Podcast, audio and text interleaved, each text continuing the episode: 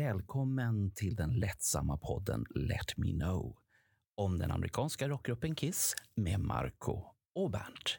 Nu kör vi!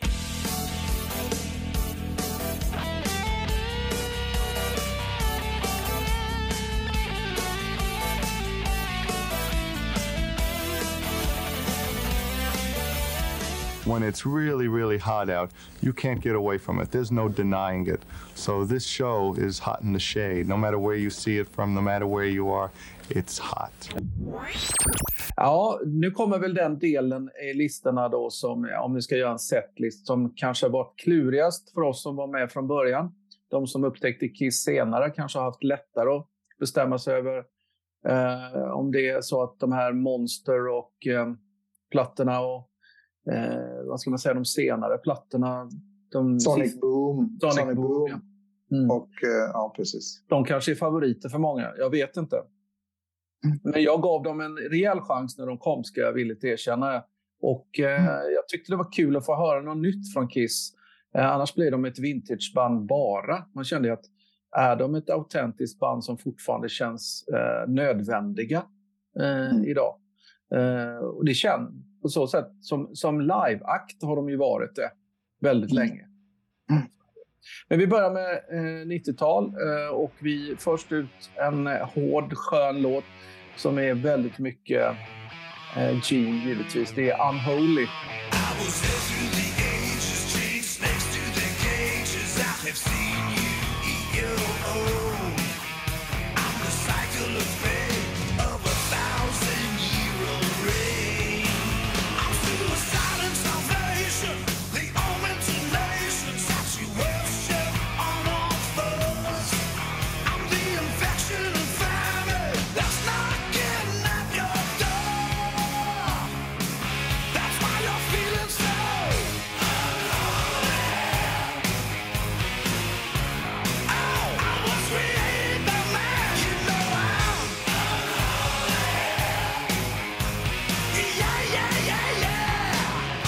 Som faktiskt han skrev med Vinnie Vincent.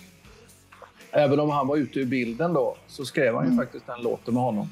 Jag vet inte när låten skrevs, om den skrevs under den här eran då. Om det var under 80-talet han skrev den eller att han, de träffades upp och skrev den på nytt. Det vet ni kanske bättre, ni som är riktiga Kiss-följare.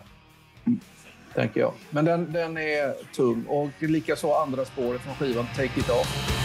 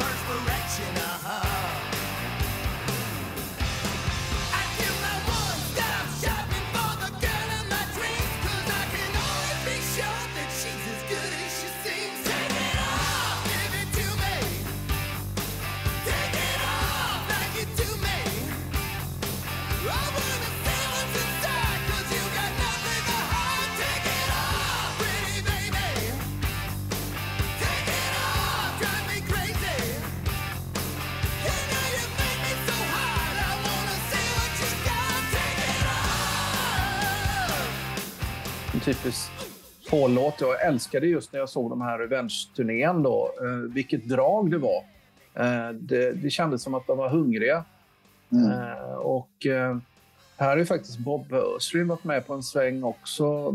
Kane Roberts var, kommer jag var en sån här lite udda artist som gjorde några soloplattor, men jag aldrig följde. Eh, men också en sån här rockartist som eh, då Paul snappade upp och så skrev de den låten. Mm. Precis. Ja. Eh, sen kom vi ju till den här eh, återföreningsplattan då, Psycho Circus.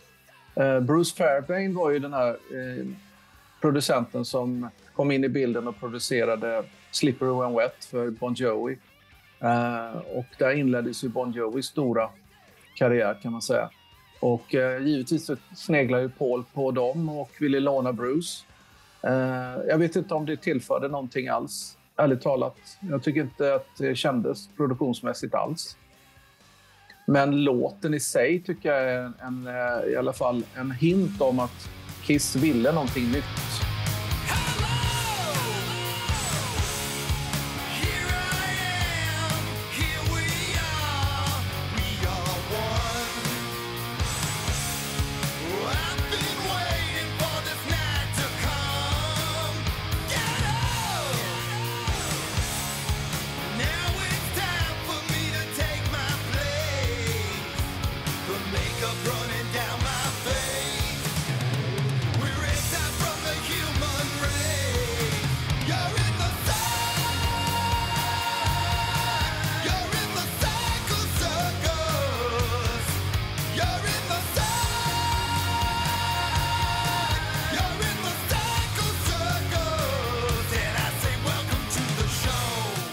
Kunde då ha lett till något helt annat om, om då Ace och, Peter hade varit kvar i gruppen och känt samma sak. Då tror jag att det kunde ha lett till något mycket större. Mm. Mm. Nu var det väl så att de tilläts inte för att eh, de hade inte the jobs eller the songs och så vidare så att eh, de blev ju nästan med en gång utmanövrerade. Det var inte det, den återföreningen de hade hoppats och trott på från början. Mm. Eh, och det hade väl inte fansen heller fått utan man märkte när man lyssnade på den att jaha, okej, okay, det här var Into the Void, där var då Ace-låten och var den så stark? Och så men... Vi går mot den här plattan som är väl lite bespottad antar jag, Carnival of Souls. Och här är ju Kiss Ghost Stone Temple Pilots, lite Nirvana, tänker jag. Master and Slave tycker jag ändå är en bra låt från Carnival of Souls. En av de starkare.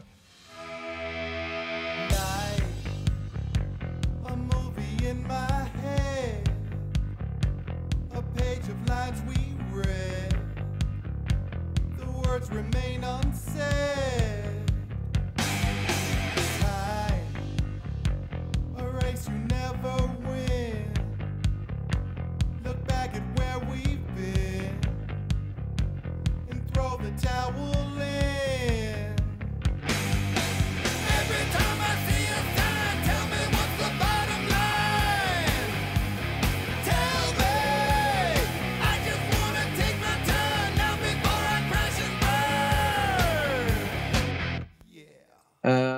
Du, du nämnde Into the Void. Uh, Gene och Ace sjunger unisont i låten om jag inte missminner mig. Uh, lite grann där. Uh, mm. Känns som att uh, Gene är inne och petar lite i Ace-låten där. Så. Det brukar han väl vara lite grann att han, om man säger då, hjälper mm. till låten med kanske någon bit här och något intro där eller att han ja, ser till att få ihop den lite kanske bättre än vad Ace hade från början. Mm.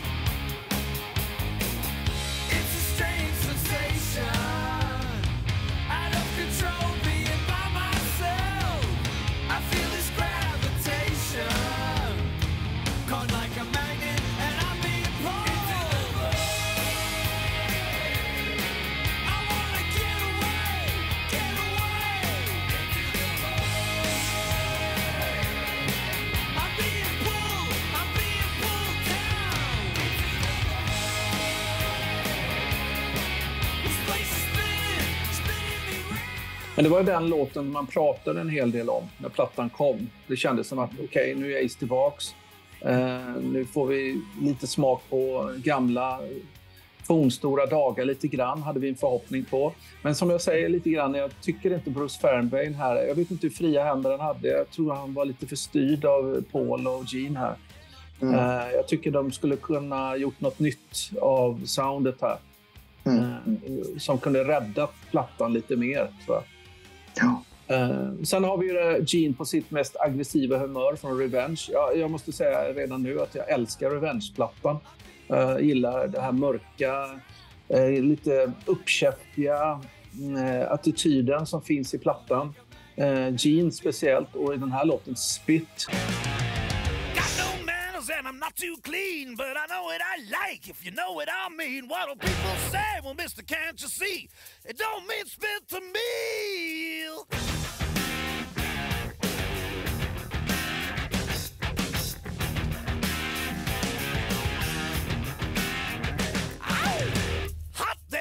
Lord above. Want a lot of woman with a lot of love. Well, thin to sin, but it's plain to see. It don't mean spit to me.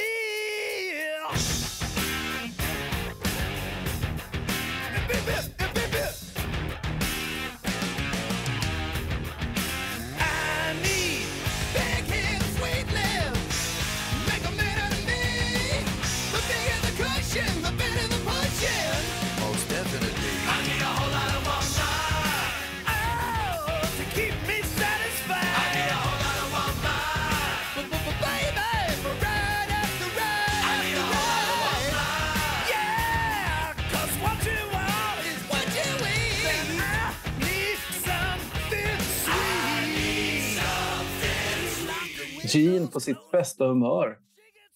Fast han är förbannad. Och jag gillar det. Jag gillar den, den Gene. Som inte bara är den här som ska ragga brudar. Utan nu är det eh, att han är the bitch.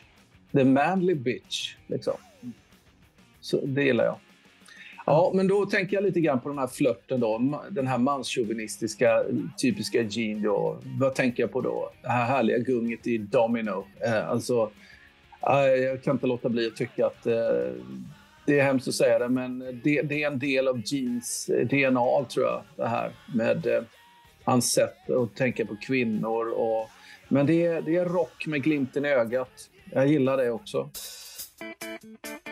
Let me tell you my story. I've got a man-sized predicament. And it's a big one. Goes like this. Yeah.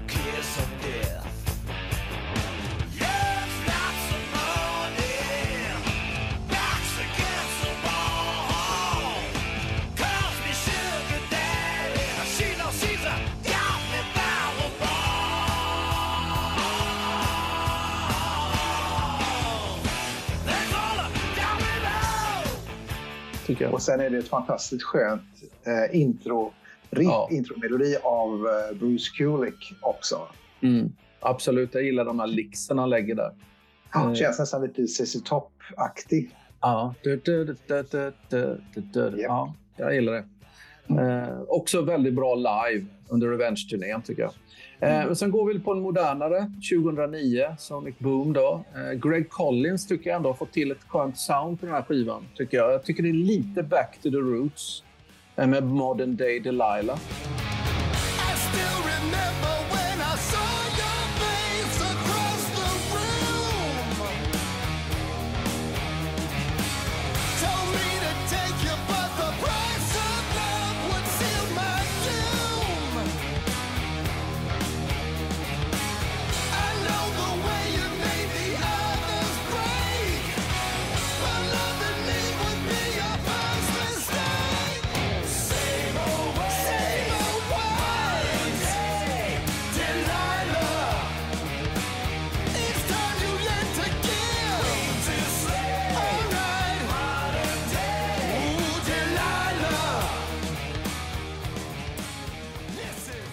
Som var mm. första singeln på plattan. Den är bra. Stark mm. låt tycker jag.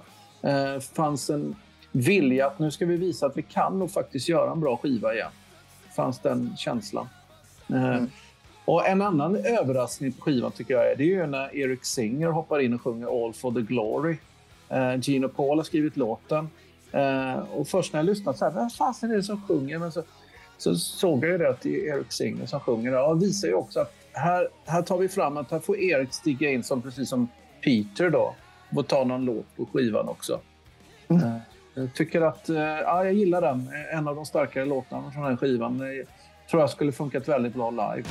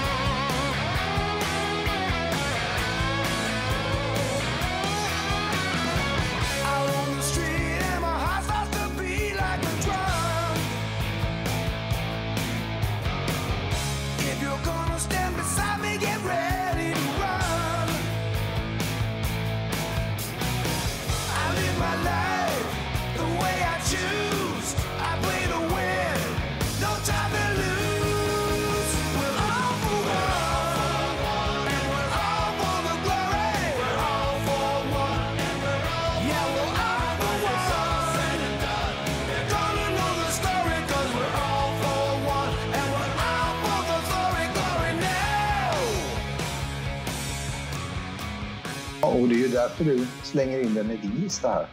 Ja, absolut. Uh, och det, är såna här låtar som jag tycker, även om de är givna i mitt val, så tycker jag att de inte spelas ju. De spelas ju inte. Nej. De borde spelas, tycker jag. Men Sen har vi först, ja. ja. jag tänkte bara inflika, det är väl först när man gör de här nördiga eh, analyserna och man tänker då, då kör vi bara en set som har med 90 och 2000-talet. Det är först om man vet att Kiss ska framföra detta på vi säger, en Kiss Cruise eller att de gör någon sån här turné som nu kör vi bara varannan kväll. Vi kör en 70-tal, vi kör en 80-tal och så kör vi en sån här. Så får du försöka boka in så att du får mm. se alla. Men att de gör det, det hade ju varit väldigt, väldigt häftigt alltså. Ja, verkligen. Vi går på eh, Monster 2012 på plattan. Greg Collins är fortfarande producent. Hell or Hallelujah.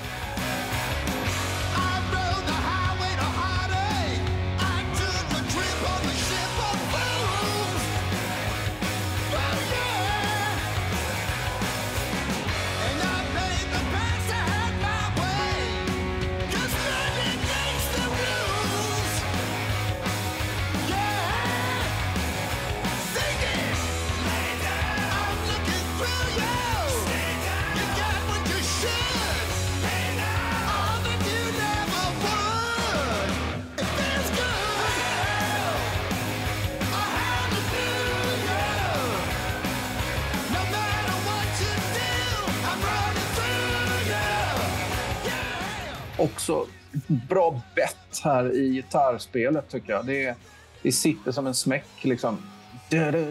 Man, man riktigt rycks med i inledningen där. Mm. Uh, så att det är uh, Hell Halleluja verkligen här. Jag tycker att Paul gör en bra insats. Mm. Uh, men sen kommer det här stora... Tanken är väl kanske att det finns lite Phil Spector-tanke bakom titeln. Jag vet inte om det är så. Wall of Sound. Uh, Gene ja, Ja, jag, jag, jag, tror att själva eh, titeln är plockad från det epitetet, om man säger då, ja. Spectre. Mm. Eh, och sen att han kan då applicera texten till att hans eh, soundtrack är mer eller mindre ett wall of sound.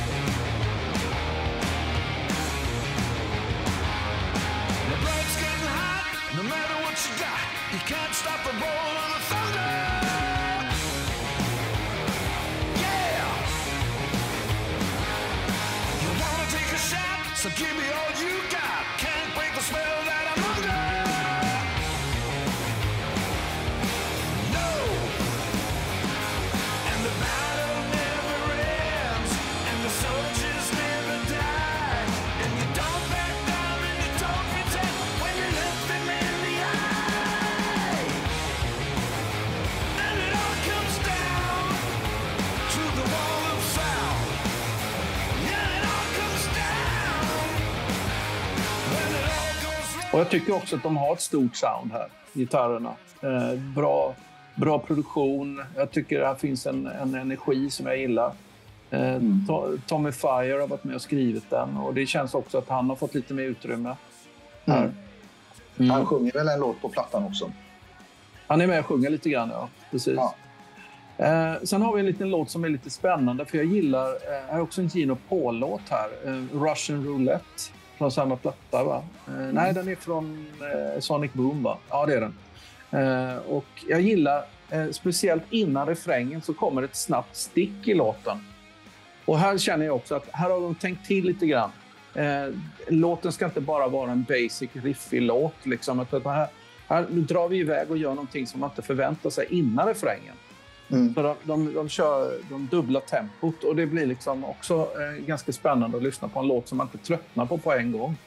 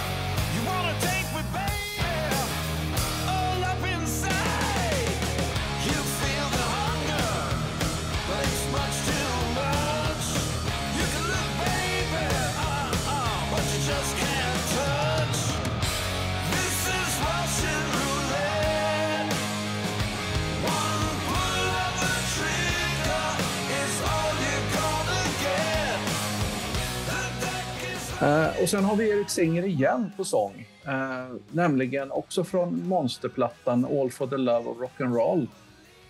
Jag tänkte, det finns ju, finns ju gamla låtar som har den titeln också. Jag tänkte mm. först, är det, är det här en cover först? Men det är det ju inte. Eh, men här, om ni lyssnar ordentligt på melodin så kan man faktiskt höra att Paul har tagit lite av sig själv från låten It's alright, sololåten ah. i melodin. Om man lyssnar mm. på den, All for the love of rock'n'roll.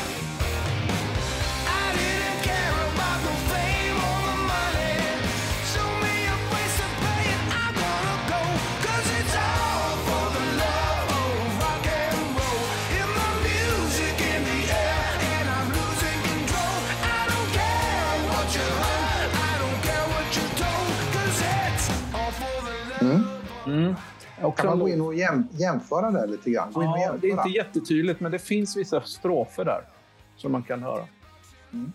Mm. Men det tror jag inte, det kanske är mer bara att det är Paul. Han tänker nog inte på det själv, tror jag. Så.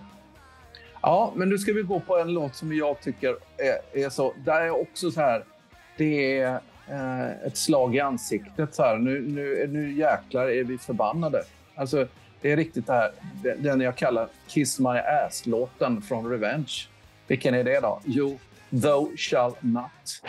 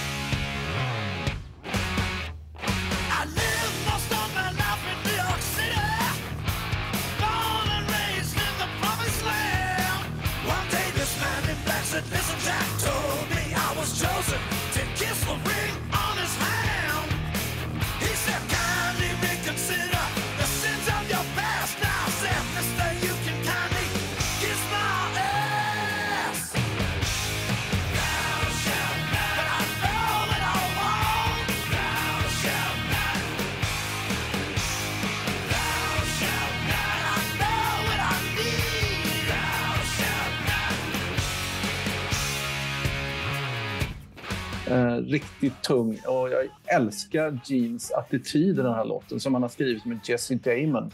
Jag vet ingenting om Jesse då, men det känns som att han, han har fått hjälp med texten där. Eh, och det passar också honom ypperligt bra. Mm. Ja, texten är, är också lite grann att den här, texten är då lite om eh, religiösa ja, hypocrites. Just att eh, de sätter sig på höga hästar och eh, är väldigt dömande utan att kanske förstå bakgrunden vad andra tycker och tänker. Och det är ju just att han har tagit det äldre ordstävet då, thou shall thou, ja. not. Thou shall not. Nej, du borde inte göra så här, men det är skitsamma. Kiss my ass. Ja.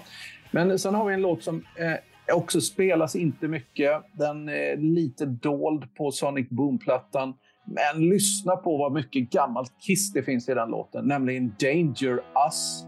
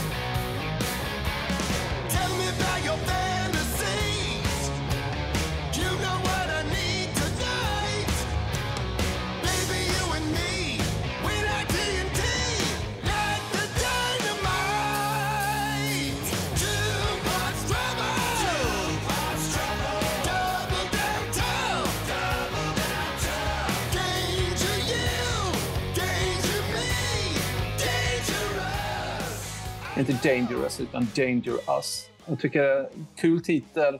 Jag gillar svänget, växlingen med körerna.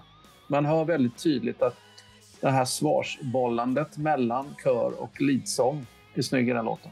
Ja. Mm, just det där med Danger you, Danger me, Danger us. Just det. det, det, det ja, jag gillar det. det. det. är ett gott sväng. Mm. Eh, den kom in i sista ögonblicket för jag insåg att jag gillade den låten. Den borde få vara med. Ja. Men så började jag också fundera på det här.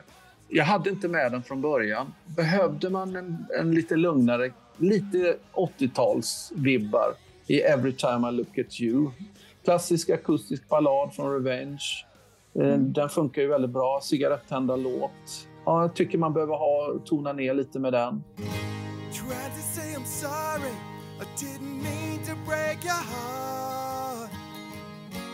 Find you waiting up by the light of day. There's a lot I want to tell you, but I don't know where to start. And I don't know what I'd do if you walked away. Ooh, baby, I tried to make it. I just got lost along the way. Every time I look at you, no matter what I'm going through, it's easy to see. And every time I hold you, the things I never told you seem to come easily. Tycker den funkar bra i sättet. Eh, däremot så var jag väldigt frågande ända in i det sista. Skulle nästa låt funka verkligen? Jag, först tänker jag Carnival of Souls. Det var aldrig någon platta som jag kunde ta åt mig. Var det här Kiss verkligen? Nej. Men den här låten, den har snygga akustiska gitarrer. De har fått hjälp av Bruce Kulick här. Uh, Kurt Como är med och skriver också. Uh, ja, du räcker upp ja, Ja, jag tror jag vet vilken du tänker på. Som ja. även jag med på min I will be there. Each and every day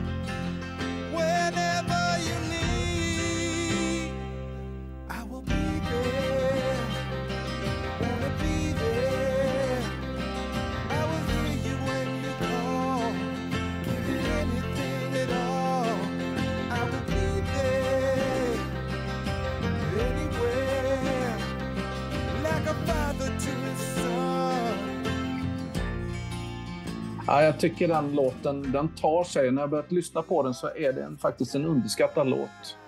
Den har många kvaliteter som inte jag har hört hos Kiss innan. Här Nej. försökte de göra något nytt, något annat. De tänkte annorlunda. Eh, insåg att... Eh, jag tror också det, det är en ganska naturlig utveckling att de kunde visa en annan sida av sig själva här.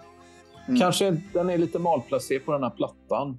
Eh, däremot så är produktionen kanske inte det som man förväntar sig av en Kiss-låt. Men det funkar ändå. Jag tycker det här är lite annorlunda. Det behövs att bryta av lite. Eh. Och det är precis som du säger, det, att den är lite malplacerad på den här plattan. För många säger att det här var Bruce platta. Ah. Att det är liksom... Eh, det är liksom grunge-aktigt att man hittar eh, influenser från olika band. Stone Temple Pilots, Alice in Chains och så vidare. och så vidare. Och det är många gitarrräkor här och var och det är nedstämt och så vidare. Och så kommer den här då som är en väldigt finstämd ballad mm. med mycket akustiska gitarrer. Så den känns ju verkligen att den sticker ut. Ungefär, okej, okay, vi slänger med den här också. Eller på vill mm. verkligen, jag vill ha med en bra låt i alla fall. lite ja. Exakt, exakt. Ja. Ja. ja. men lite så här också, om man skulle bryta av i och göra någon sorts koncept, lite grann som du gjorde på 80-talet där. Att man man faktiskt kunde inleda någon annan del av showen här. Uh, Every time I look at you akustiskt med I will be there. Uh, lite sånt. Där har jag faktiskt eh, någonting jag ska berätta på min lista sen. Så att du är inte helt fel ute. Ja, precis. Mm. En, en, låt som också, jag, jag, vet inte om den har framförts speciellt ofta, men ska, den drar ner tempot lite. Faktiskt förvånande att det är en Gene-låt, men det är det. Tanken är väl att det ska bli lite allsång och det är We Are One.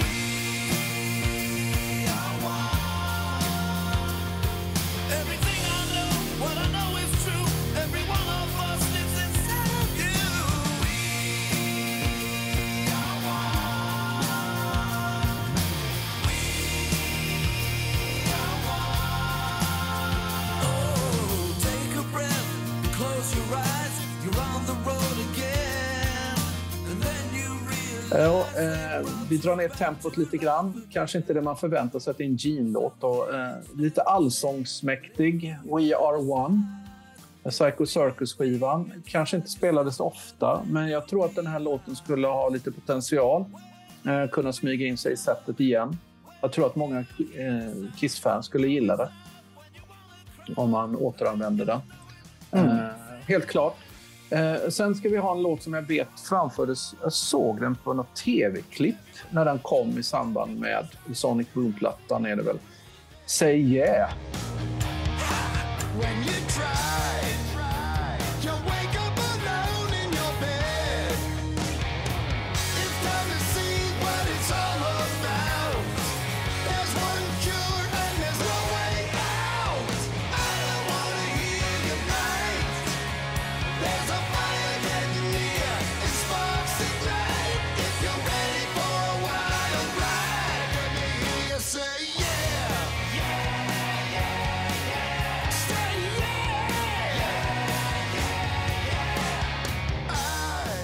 Paul.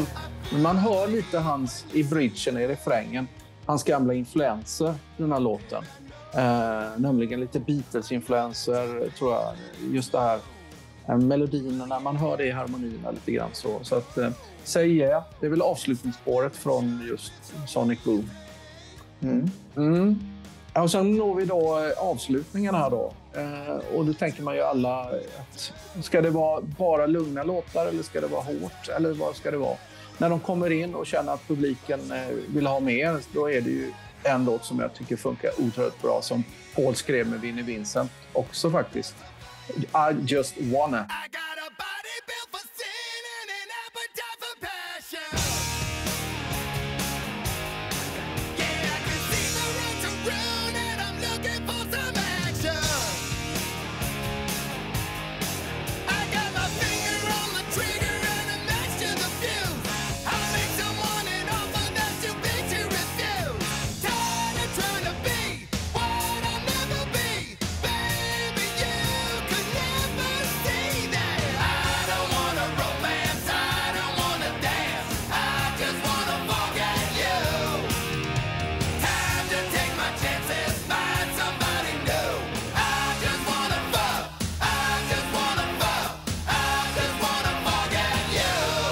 Också en sån här riktig partylåt från Revenge. Jag tycker den är en höjdare. Eh, mm. Som blir ett perfekt avslut. Och så rundar vi av med God gave rock and roll to you. Och det har ju varit mycket diskussioner om det verkligen är en Kiss-låt. Men det, det, får man nog säga att det är för att den är omskriven. Även om Russ Ballard var med och skrev den och Bob Östrin. De var ju med och, skrev om den här låten från Argents original. Och det är ju väldigt mycket som är ändrat. Så att jag, jag skulle nog säga att det är nog ändå en Kiss-låt. Eh, ja, det måste jag nog säga. De, det står väl också att det är typ God gave rock and roll to part 2 eller något ja. liknande åt det hållet. Så att de, de är... De, de, inte, de, har, de har gjort om den rätt mycket. Ja. Ja, det behövdes förändras i texten också vet jag att Paul tyckte. För annars var det bara om fåglar och natur och allt möjligt annat. Som inte passades in i, riktigt i deras eh, koncept. Nej, nej. För det hade de ju redan skrivit eh, innan de släppte första plattan, Kiss. Eh, Life in the Woods. Där var de redan ute i skogen och härjade. Just det. Okay. Ja.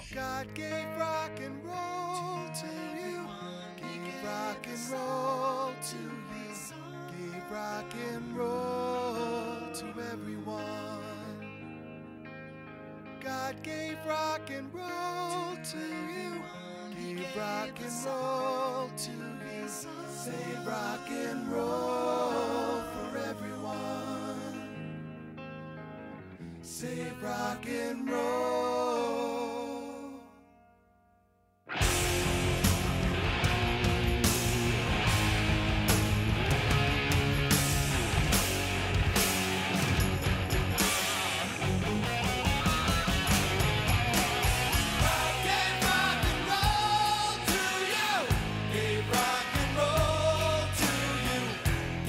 Ja, nu har vi tagit 90 och 2000-talet. Hur ser din lista ut då? Ja, jag måste erkänna så här att jag har faktiskt inte sammanställt en riktig eh, setlist som du gjorde nu. Utan jag har plockat ut i låtarna från de olika plattorna som jag tycker passar. Mm. Eh, och så har jag gjort en liten grej i mitten som jag tycker man kan göra också. Eh, men jag säger så här att om 80-talet var Paul Stanleys årtionde så känner jag att 90 och 2000-talet är mer jeans kalas. Mm. Eh, och från Revenge-plattan, som även du älskade, så plockade jag faktiskt fyra Gene-låtar och endast en med Paul samt en kissifierad cover. Och ja. eh, jag kör på här, precis som du, Unholy. Den är ju mörk och demonisk eh, och som är en öppningslåt som Gene får sjunga för en gångs skull. Och den är, den är makalöst bra. Jag hade gärna öppnat eh, konserten med den också. Mm. Det låter bra. Ja, och sen, jag fortsätter just med den plattan då, Spit. Jag tycker också att den är jättebra. Här visar Gene sin ödmjuka sida, eller hur? ja. ja. Who's the boss liksom? Ja, verkligen.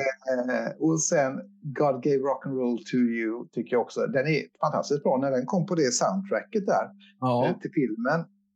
Jag tycker den var en lysande bra låt och så framförallt att de, de sjunger tillsammans, hela bandet där också.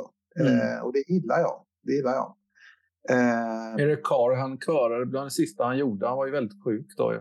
Ja, det är faktiskt så. Mm. Eh, och nu, jag, jag, kan kasta in en grej som inte är med på listan här, men som jag gärna hade haft med. Det är ju den här låten It's My Life. Eh, mm. Som Wendy Williams fick på sin platta. Eh, wow, tror jag den hette. Och eh, där har jag hört en version som är där samtliga sjunger. Paul, Ace och Gene. Mm. Och den tycker jag, den borde de arrat om och gjort. Och den känner jag den hade haft en stor hitpotential alltså. It's Varför? my life. Da, da, da. It's ah, nej, den här är inte Dr. Ja. Alban. Nej, nej, det var nej, inte. Mm. inte riktigt den. Ah. Men ändå, it's my life uh, okay. and I do what I wanna do what I... och så vidare.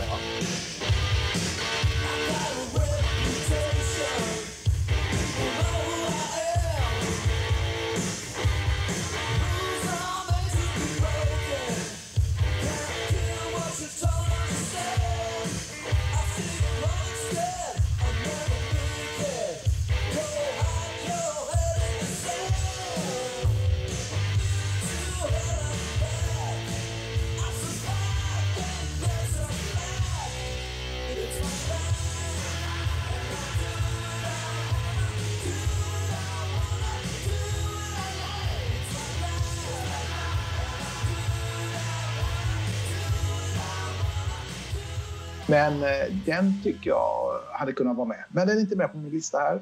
Eh, en liten sen efterkonstruktion. Sen tycker jag självklart Domino. Schysst med medverkande gitarriff, eh, där av Bruce. Mm. Och väldigt övertygande Gene Simmons som sjunger om sin favoritsysselsättning. Just det. Eh, ja. Och sen det är ganska tydligt. Ja, ganska tydligt. Ganska tydligt. When that bitch bends over. I just forget my name. Ja, det är en klassiker. Ja. ja. Det är inte jag som sa det, jag bara citerar Gene Simmons av Kiss. Eh, Thou shall not, jag håller med. Mycket bra. Mm. Jag vet, vi var på en grabbresa när den här plattan kom och då hade vi den här var inspelad på en kassettsida, eh, Revenge-plattan och sen på andra tror jag vi hade en Frank Zappa eh, skiva också. Så att det var rätt eh, udda val. Vilken där. mix! Ja, det var en väldigt bra mix. Men vi liksom, när den sista låten var slut så vände man bara så körde man mm. I have in you baby. Så var det lite Frank Zappa där då. Mm. Eh, inte heller helt rumsrent. Men han skrev med ironi. Och jag valde även den här på-låten I just wanna. Den körde jag också för det är liksom en veritabel rip-off av Eddie Cochrans klassiker Summertime Blues. Ja. Men det är en häftig, det är bra tryck och det är liksom allsångsvänligt och det är en dubbeltydig refräng där också med I just wanna forget you. Men det just trodde det. man inte att han sjöng. I just wanna for. Ja, så är det. Sen har jag då, om vi tittar på lite eh, Carnival of Souls, då har jag en låt som heter Childhood's End.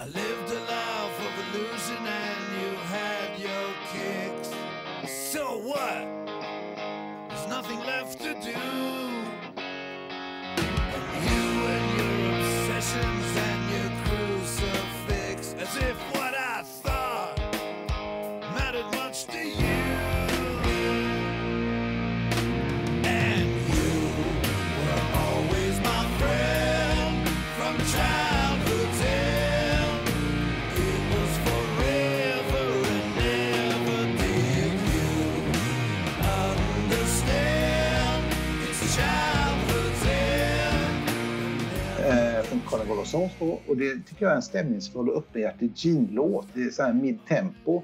Mm. Men som jag gärna hade hört i ett mer Beatles-arr. Lite grann alla Man of a thousand faces som Mr Make Believe som Gene hade på sin soloplatta från 78. Ah, ja. Den här låten har allt det som den har och den kanske var så från början. Och den hade gärna fått vara med i en så här kort akustisk set ihop med Pauls då finstämda I will be there. Som mm. du också valde. Eh, också den då från Carnival of Souls. Och jag tänker lite grann så som Motorhead gjorde. Eh, på senare år så när samtliga medlemmar, alla tre, eh, gick fram längst fram på scen och satte sig på barstolar. Och så körde de eh, med akustiska gitarrer då till exempel Whorehouse Blues. Och det är det, det är sådana avbrott som blir rätt skön eh, mm. dynamik i sättet. Ja, det och, behövs. behövs ja. något sånt. Och jag vet att skivorna på 2000-talet är lite underrepresenterat från mig. Och då, eh, för jag känner att de har inte varit riktigt angelägna. Men eh, de här låtarna tycker jag är rätt sköna. Mm. Mm. Absolut. Ja. Eh, sen så tycker jag även då att Journey of a thousand years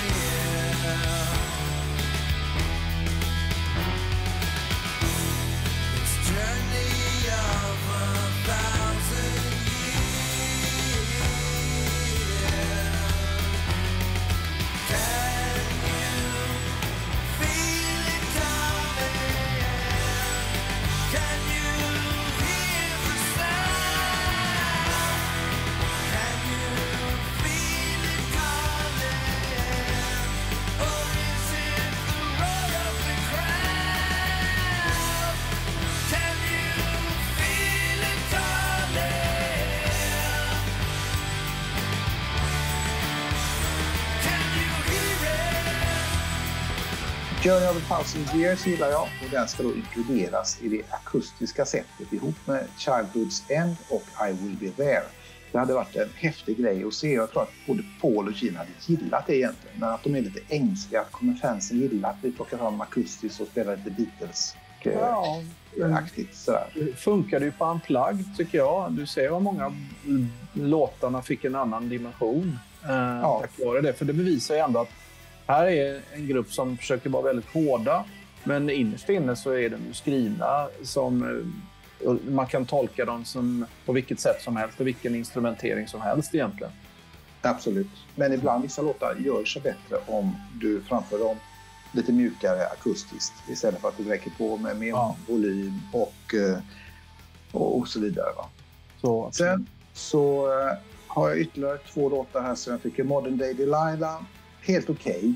De mm. öppnade ju upp uh, turné med den också, uh, konsert. Och sen tycker jag också även den som du tyckte, Say Yeah. Mm. Uh, sen tycker jag även då, om jag ska plocka en låt som är Eat Your Heart Out. Eat your heart out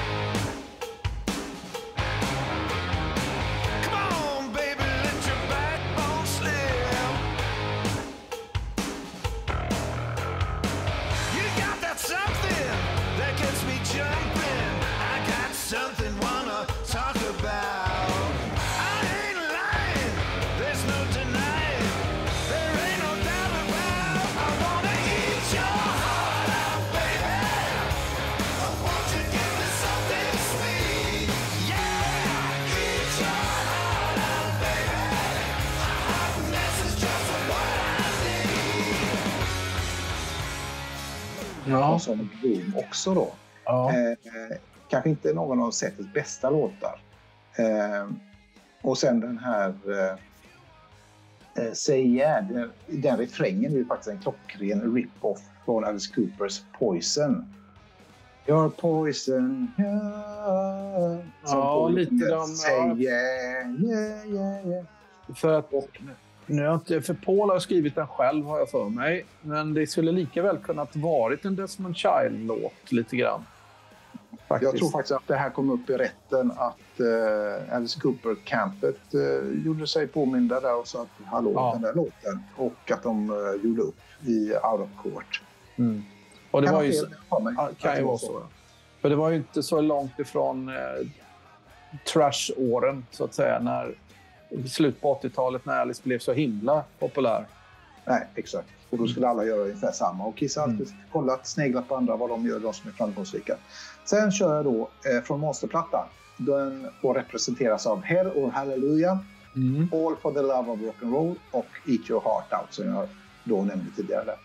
Och jag tycker att Hell or Hallelujah det är ju en sån här riktigt veritabel rocklokomotiv. Ja. Eh, med en catchy refräng och All for the Love of Rock'n'Roll där Eric Singer sjunger. Det känns som en sån här klassisk 70-tals ja, Alla Slade eller ett amerikanskt barband som fått en hit eller två på AM-radion. Mm. Ja, det är ju så man, man kan dra många paralleller till Slade eh, som influenser. Mamma We're All Crazy Now till exempel som var en stor inspiration för kanske Rock'n'Roll All Night och alla de här låtarna egentligen. Mm, men det har ju de sagt själva att de influeras väldigt mycket av Slade och tyckte att de var väldigt bra. Mm. Det var den sortens musik de ville göra i början. Mm.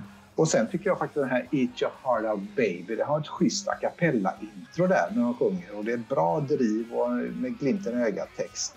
Var den då alltid ödmjuke Jinsons of Kiss. Det var bra att du drog upp det för att jag faktiskt glömt bort det. För länge sedan jag lyssnade just på den låten, känner jag. Ja, Ja, men det är kul för att de lägger till lite extra där istället för att köra rätt in. Precis som man gör med gitarrintro till Domino så eh, har de här a cappella. Sen eh, så tycker jag efter de här låtarna så får de slänga in tre extra nummer och då skulle kunna bestå av några Kiss-klassiker så att eh, man gör alla fans glada innan de lämnar konsertarenan. Ja, absolut. Mm. Gott! Då har vi samlat hela deras karriär nästan. Nu. Ja, nästan. Även om vi inte var lika pliktskyldiga och lika engagerade mot slutet. Men det har ju sina randiga och rutiga orsaker. Eh, sen kan man ju sen säga det än en gång, det är precis som att många Kiss-fantaster som upptäckte Kiss på 80-talet, de kanske tycker det här är kanon. Va? Det här är ju kanske minst lika bra som 70-talet. Mm. Uh, och det, det, kan jag förstå. Det är ju väldigt så att det som präglar ens uppväxt är ju de oftast tio första åren när det gäller musiksmak faktiskt. Ja, de tio första åren som du lyssnar på musik. Ja, så lite så. Den första skivan man köpte och sen framåt liksom. Ja, och då repeterar vad jag sa tidigare också. att Ni får jättegärna skriva era listor, för det är så kul att, att se och så kanske man får lite, ja ah, tusan jag måste lyssna på den här låten som Ruben eller eh, Leif eller Sandra skrev här. Varför tog ni inte med dem? Ja, ja men så är det ju. Man, vi, vi hade en begränsad lista, lista. 20 låtar, två extra nummer. Det var det vi ja. bestämde. Och så blev det. det. faktiskt. Ja, så blev det.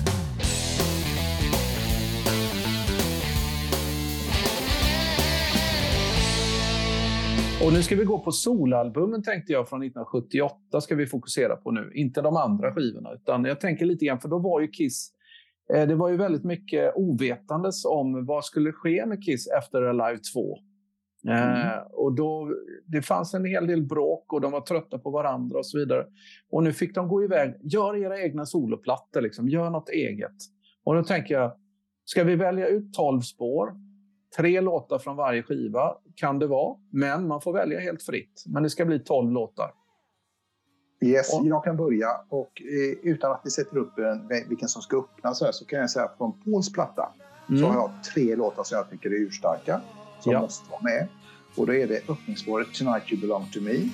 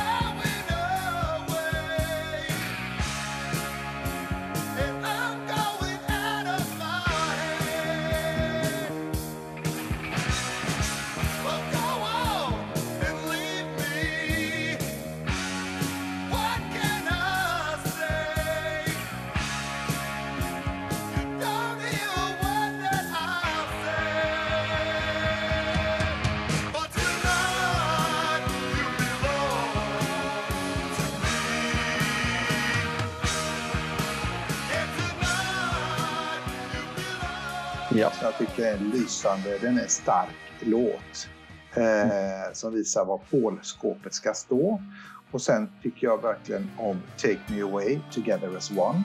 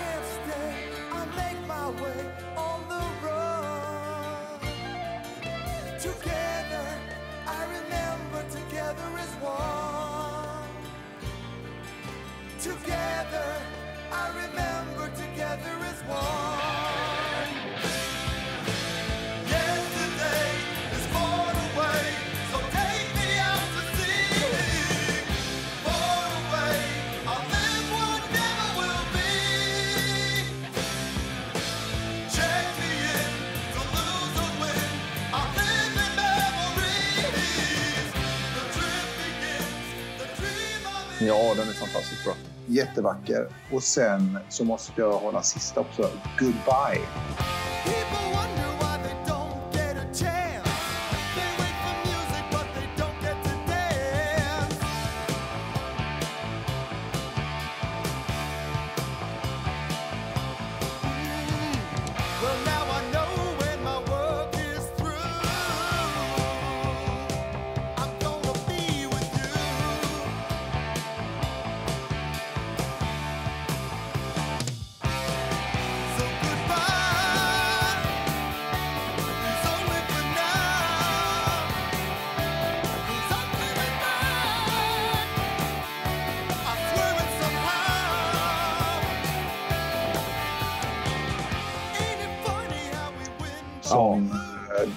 Sen alla de andra låtarna emellan är helt okej också. Men de tre, de måste vara med på min lista i alla fall från Paul. Mm. Men då, Vad säger du? Ja, om jag ska också välja. Vi behöver inte köra att du kör alla låtarna utan jag kan hoppa in. Och de låtar som jag väljer från Paul, som jag har valt ut, det är It's Alright.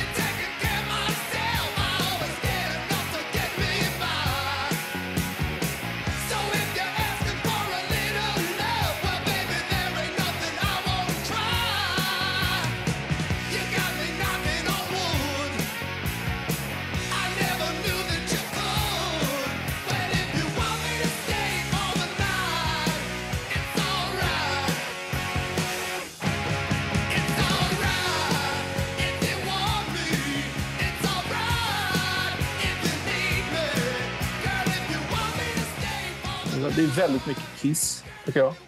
Mm. Uh, och sen valde jag framförut uh, Tonight You Belong To Me. Uh, fantastiskt bra och också låt. Och det var väl den som gjorde att jag kanske lyssnade mest på Pauls soloplatta i början. Mm. För det var väl för att man kände igen, det var så mycket Kiss i Pauls sound. Lite mm. så. Och sen också valde jag Take Me Away Together As One. Fantastiskt fin. Ja låt som jag... Alltså det finns väldigt många bra låtar från Pauls platta som skulle funka som Kiss-låtar tror jag. Faktiskt. Absolut. Det är ju lite grann att vid den här tiden så var ju Paul Stanley var ju likhetstecken med Kiss när han mm. skrev. Eh, just den här plattan kanske han även eh, blommade ut i sina lite mjukare delar också. Mm. Eh, och man känner att han är lite mer soloartist här, men det är fortfarande Kiss-stämpeln på. Ja. Eh, jag, jag, börjar med de tre Paul, så får vi se vad det blir. Ja, I övrigt, vad, vad tar mm. du sen? Ace Frehley kanske? Ja, det gör vi. Vilka låtar väljer du från den plattan? Ja, det här var ju lite lustigt för att när Gene och eh, Paul och även Peter i viss mån kan jag tänka mig fick höra de här låtarna så blev de ju vad tusan, mm. var har han gömt de här låtarna? Han fick ju självklart hjälp då med Eddie Kramer och de andra i bandet att eh, forma låtarna. Men här var det ju riktigt rejält starka låtar som, som var den rockigaste soloplattan. Och de känner nog varför har vi inte fått de här i Kiss-campet innan? Va? Men eh, jag känner ju då att eh, öppningen Rip It Out, självklar.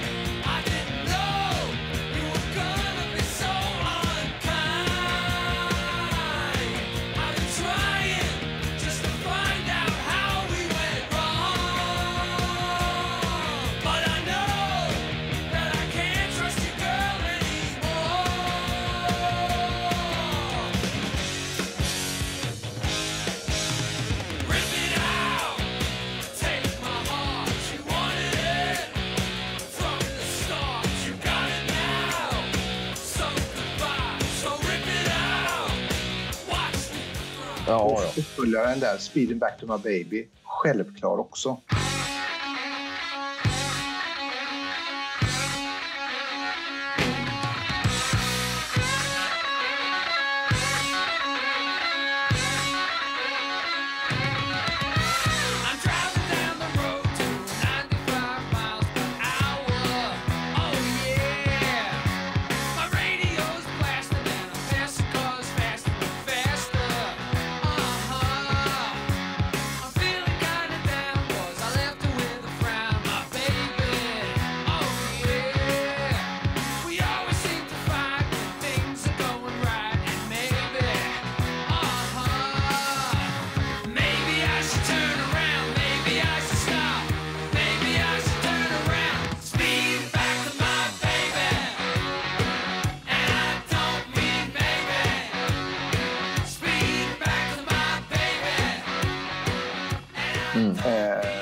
Jag hade inte tagit med New York Groove. För jag är inte så jätteförtjust att, att när de kör covers som New York Groove och uh, 2000 Man. Jag tycker det är lite, ja, det är lite slappt, lite småtrist. Jag lyssnar hellre på originallåt. Ja. Uh, så jag, jag börjar med de två. Vad, vad säger du? Ja, jag börjar... Eh, Rip It Out är given. Sen tycker jag man... Skulle man inleda ett soloparti eh, i showen där de får gå fram, alla medlemmarna. Nu får vi tänka gamla Kiss då. Mm. Om de går fram och får köra sina låtar så inleder vi showen med Rip It Out. Okay. Eh, givetvis med Ace. Eh, och sen Gene eh, tar vi sen. Eh, sen nästa Paul, eller förlåt, Ace, han heter ju Paul förresten. Eh, men jag tänker Ace då, Speeding Back to My Baby, också en fantastisk låt som eh, den inledningen på hans soloplatta med Rip It Out och Speeding Back to My Baby är ju fantastiskt bra. Mm, då har vi samma. Yep. Ja. Eh, en annan låt som jag tycker om på plattan är Ozone. Eh, ganska tung. Mm. Eh, Verkligen. Ja.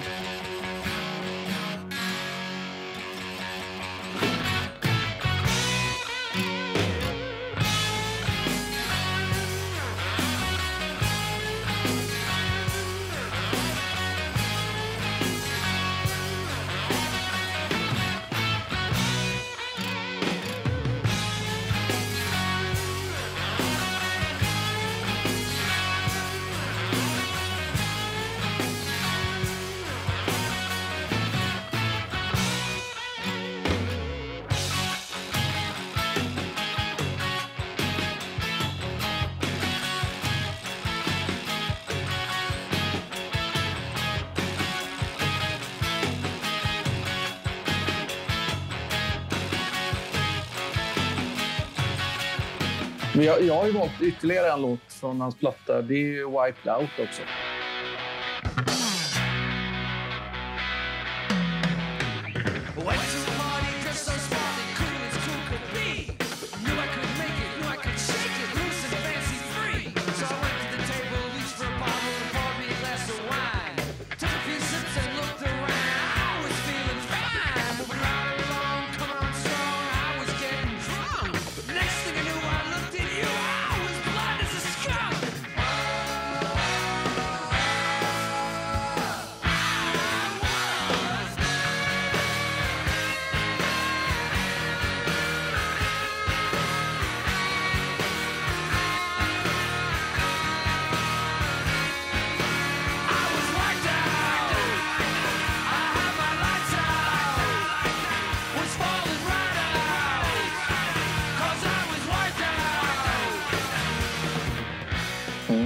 Jättebra. Det är ju roligt riff och man hör eh, lite grann hans karaktäristiska skratt där.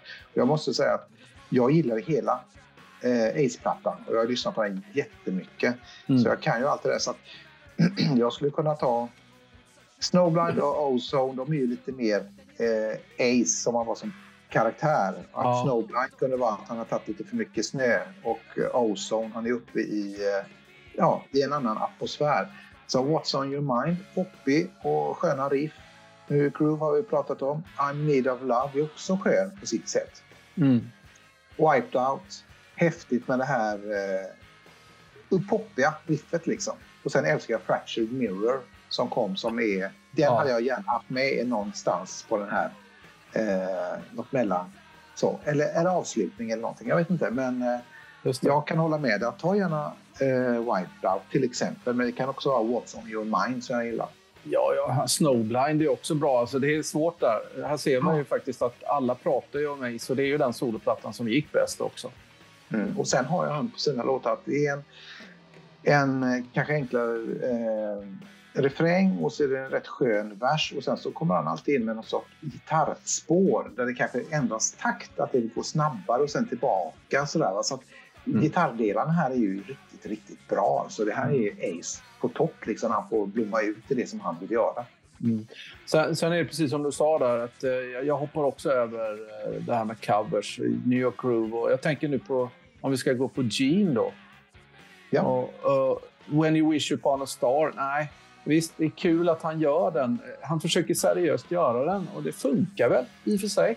Men jag, den, den, går inte in i den, här, eh, i den här delen av showen, om man säger så. Jaså, jaså vad konstigt. Vad underligt hörde du. Ja, väldigt konstigt. ja. eh, nej, men de eh, Gene-låtarna som jag absolut tycker funkar bäst är nog Radioactive.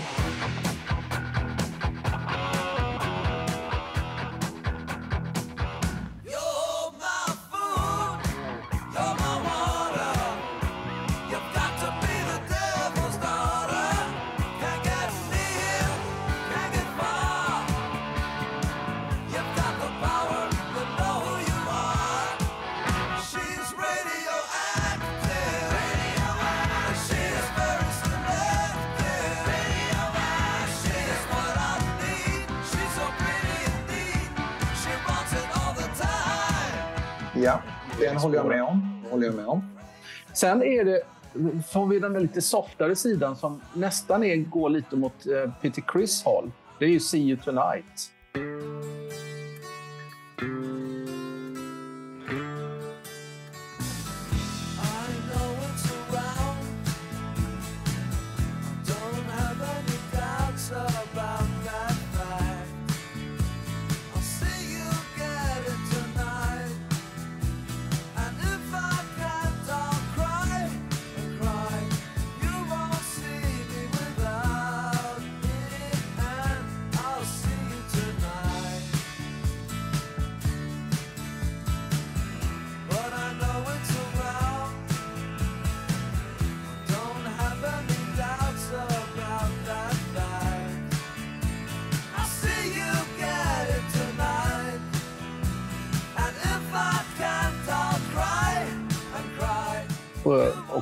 På Jeans platta. Som jag mm. tycker också faktiskt är...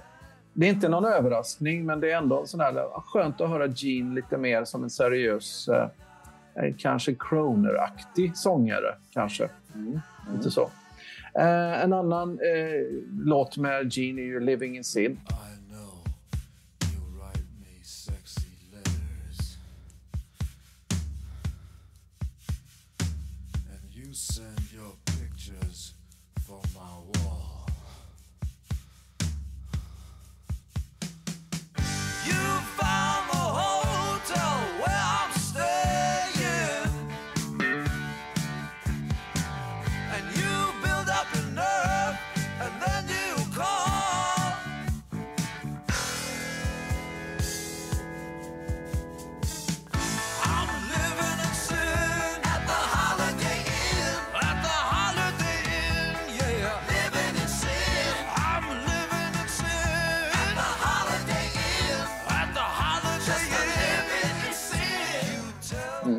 Passar väl honom rätt bra.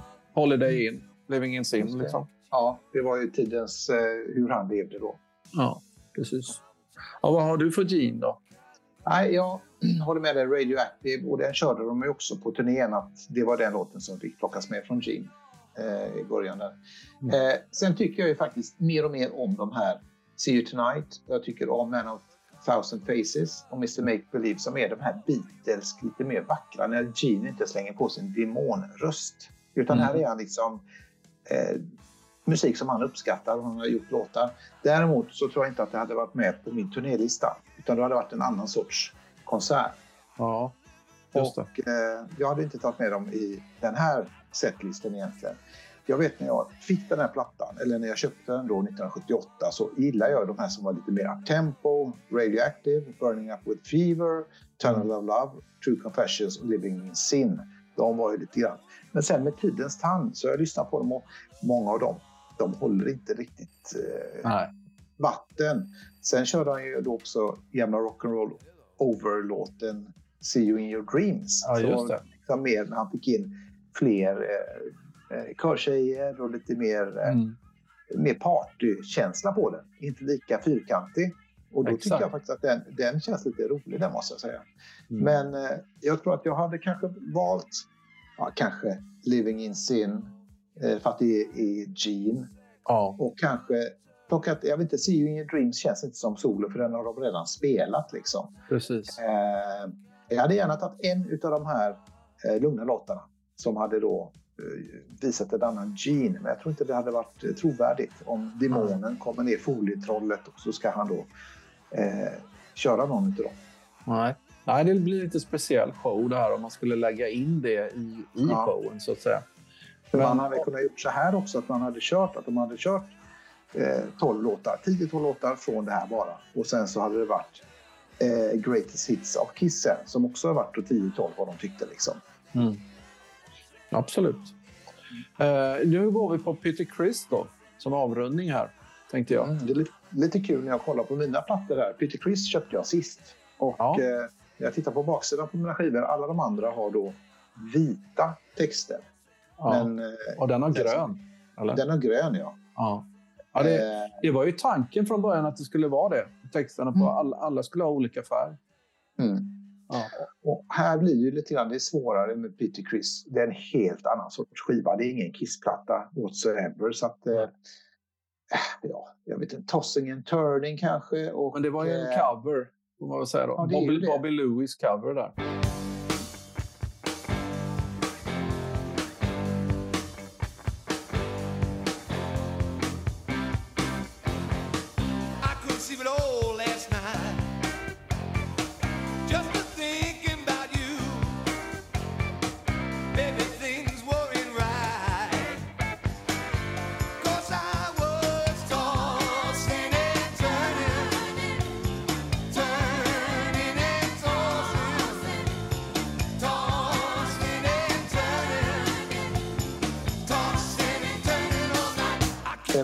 Man tittar på plattan, hur många, eller hur många låtar har Peter egentligen skrivit själv?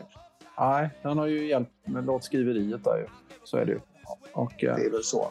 Men jag gick på de låtarna som jag kände. Dels var det nog eh, mycket Peter. Eh, han, mm. gillar, han har ju mycket influenser från Billy Joel till Frank Sinatra. Den här vågen som kom, tror jag, i hans uppväxt. Ja. Då, då tänker jag Don't you let me down.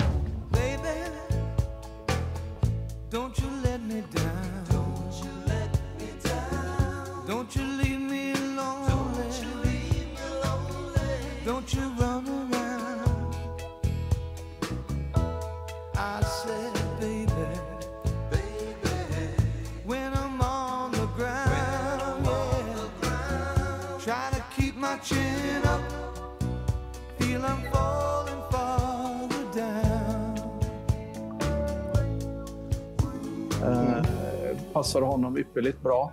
Eh, ja. Som han skrev med sin kompis där, va? vad heter han? Eh, Stanbridge, va? eller vad heter han? Stan, Stan Pendridge. Stan Pendridge heter han, just det. Ja. Eh, och sen också den låt You Matter To Me.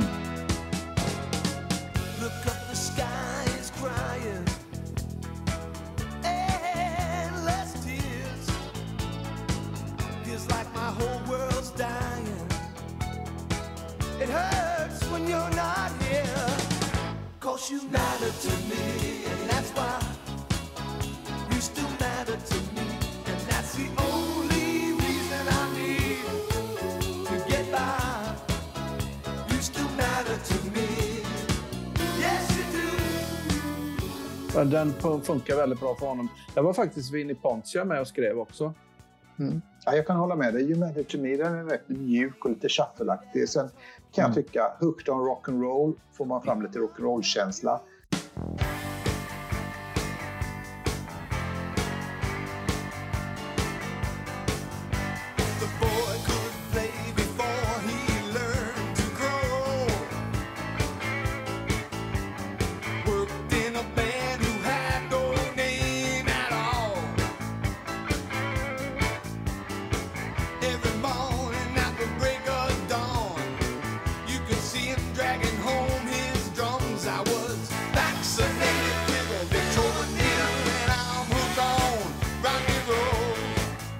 sen tycker jag den finsta är I Can't Stop The Rain, sista. Ja.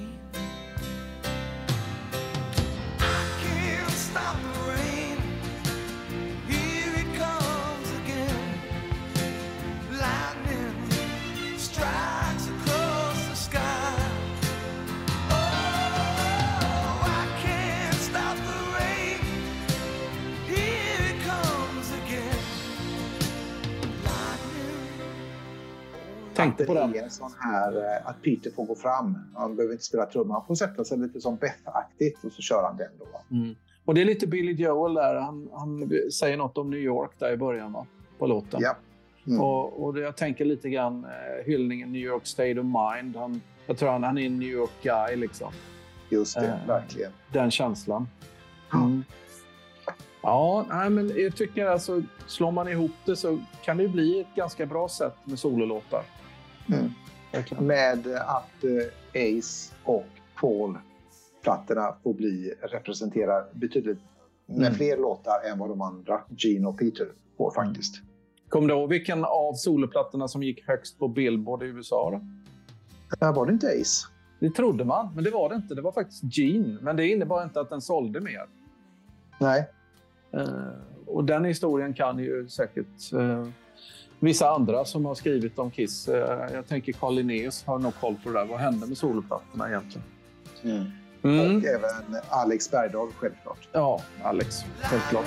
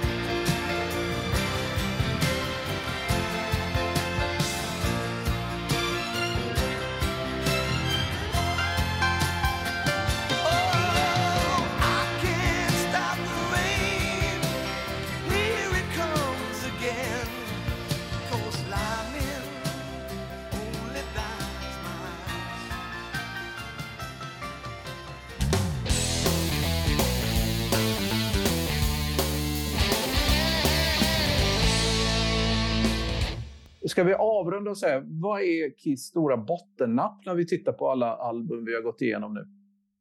Ja, jag har ju ett par, och nu är det inte bara låtar, utan jag har, jag har satt ut tre stycken bottennapp eh, mm. som jag tycker, som jag kom på på kort tid här. Mm. Och då tycker jag, om vi börjar med Live 2. Ja. Jag vet att du, du gillar den här fjärde sidan, men jag, jag tycker det finns två bottennapp på den skivan. Och då är det mm. så att dels att det valde att inte ha fyra sidor live. Det hade jag föredragit då. Mm. Eh, utan att de tog en sida till studiomaterial som mm. enligt mig inte var speciellt upphetsande eller starkt. Mm. Eh, jag tycker att låtmaterialet bevisar att bandet höll på att gå i olika riktningar redan här. Kanske till och med på under Love Gun-plattan, men här kände jag att det var verkligen uppenbart så. Och ingen av låtarna klassar in som en Kiss-klassiker riktigt tycker jag. Eh, även om både du och jag valde Rocket mm. Ride ja. setlistan. Och den andra saken är det pålagda publikljudet som ligger som ett sword från sida 1 första låt till sida 3 sista. Och det är ju inte kul.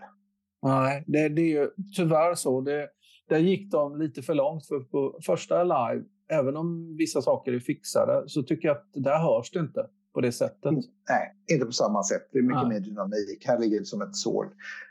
Det var mitt bottennamn ett, vill du köra ett emellan? Ja, vänta nu, vad tänkte jag på? Uh, nej, men om jag ska tänka på deras karriär så är ju 80-talet svårt. Uh, det, det, är ju så. Uh, men jag, jag har ju tagit mig igenom 80-talet och på något sätt accepterat den Kiss-grejen. Så, men bottennappet får man nog ändå säga nu. Jag, jag kanske är kontroversiell om jag säger det. De skulle aldrig sminkat av sig. Nej. De skulle tagit ett break istället.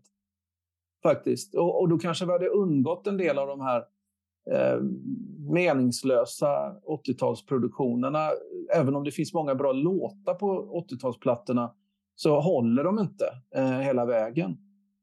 Så det, eh, det, om man ska se det på en helhetsbottennapp så tycker jag att de skulle tagit ett break istället. Mm. Ja, jag kan väl hålla med dig, men i musikbranschen, speciellt när du lirar på det, i den divisionen, Ja. så finns det inget som heter break. Det är liksom... Eh, eh, då, då förlorar du både marknadsandelar och fotfäste och eh, det kommer upp nya artister som, eh, som nafsar dig i hälarna hela tiden. va. ja. Men jag förstår, jag fattar. Men de var ju fortfarande unga. De hade ju energi och ville göra saker. Jag förstod att de ville gå vidare och göra någonting med Kiss. Eh, Och vi hade aldrig fått Lick It Up och det här då, givetvis. Om det hade Nej, varit men du så. vet, nej, men du vet, de var unga, men det fanns de som var yngre. Tänk du typ Bon Jovi eller de andra Ja, som ja. kom. Som, som, eh, eller Def Leppard som kom från England och liksom, som tog över marknaden på ett helt annat sätt. Va? Mm. Eh, så det är klart, de hade ingen tid att eh, vänta och Paul fick ta hand om Kisseskeppet själv då på 80-talet mer eller mindre medan Gene ville göra andra grejer, mer Hollywood och sådär. Va? Ja, ja, men så är det. Ja, jag tar bottennapp nummer två på min lista. Mm. Eh, och då tänker jag på lite låtar som de Ja. har tagit med på plattor. Mm. Och då tänker jag först ut sista låten på Love Gun. Du vet när jag satt som 12-13-åring 77 och lyssnade på denna och så kom den här låten Then She Kissed Me. Ja, ja, ja, ja.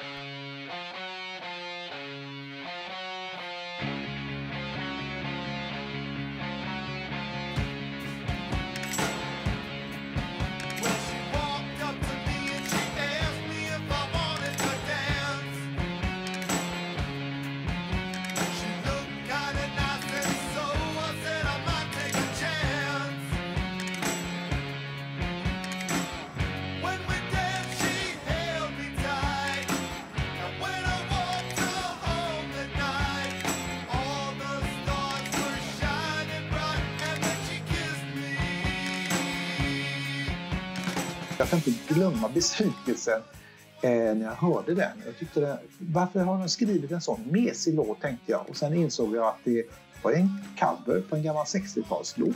ja, ja. Visst. Det kändes lite som att de fick eh, li- lite skrivkramp eller det var lite kaotiskt runt gruppen då. Ja, och brist på låtmaterial. Ja, men då kör vi denna. Och jag tror att de spelade in den på en dag eller någonting har jag läst. Eh, Något sånt där. Och samma var det faktiskt på Kiss Alive 2 då, sidan 4. Då kör de också en liknande Any way you want it.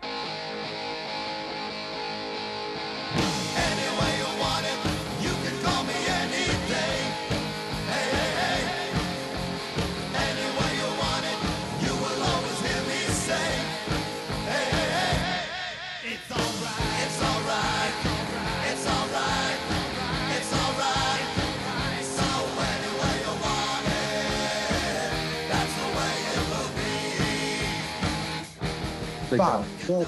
Jag kan förstå att Paul sen när han eh, släpper sin senaste soloplatta med just såna här, den sortens låtar. Men då gör han det fullt ut. Ja. Och då gör han det inte under epitetet Kiss. Mm. Eh, och det var ju lite grann också som debutplattan då, Kiss in Time, som de då la till efter, eh, efter första pressningen. Då. Och den föll också ur ramen rätt kraftigt tycker jag.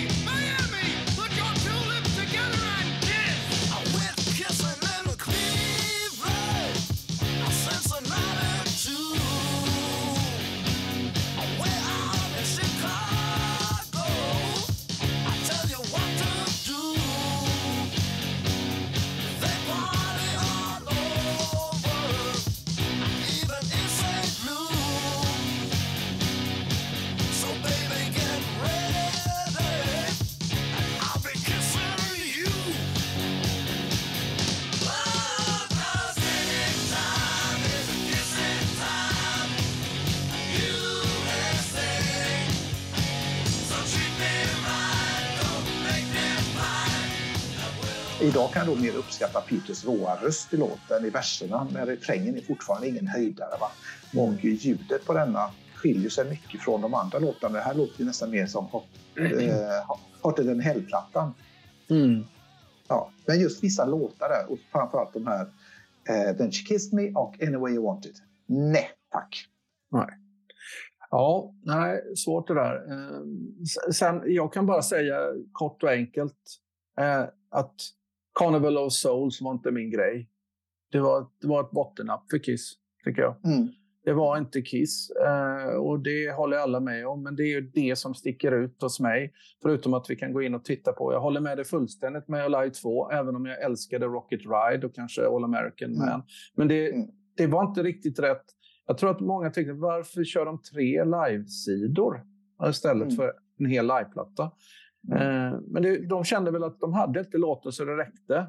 För att göra. Nej. De, de hade fått upprepa sig då i så fall att med någon av de gamla låtarna. Det fall. stämmer. Det stämmer. Visst, men det fanns ju vissa låtar de hade kunnat ta med som inte var med på Live 2 som var senare låtar. Men de hade ju fått ta med eh, vissa låtar från gamla sättet. Självklart så hade det varit. Och det var väl det de inte ville. Och så tänker de att vi ska ge fansen lite mer. Här kommer Ja. nya låtar. Ja. Lite så. Kanske, en, en, en idé hade i så fall varit kanske att släppa en coverplatta med deras 60-talsfavoriter då. Eller något. Men då hade de inte fått upphovsrätten. Det hade inte The Brand Kiss godkänt. Och inte Bill O'Coin och inte Gene Simmons och de andra heller. Nej, det kan vara så. Mycket mer. Sen Nej. har jag en liten sista här och den går i samma spår. Och det är ingen stor bottennapp, men det är också när Gene Simmons väljer att lägga When you wish upon a star som sista låt på den här. När man Mm. tittar på omslaget när demonisk Gene med lite blod i mungipan. Och så kommer den här låten sist.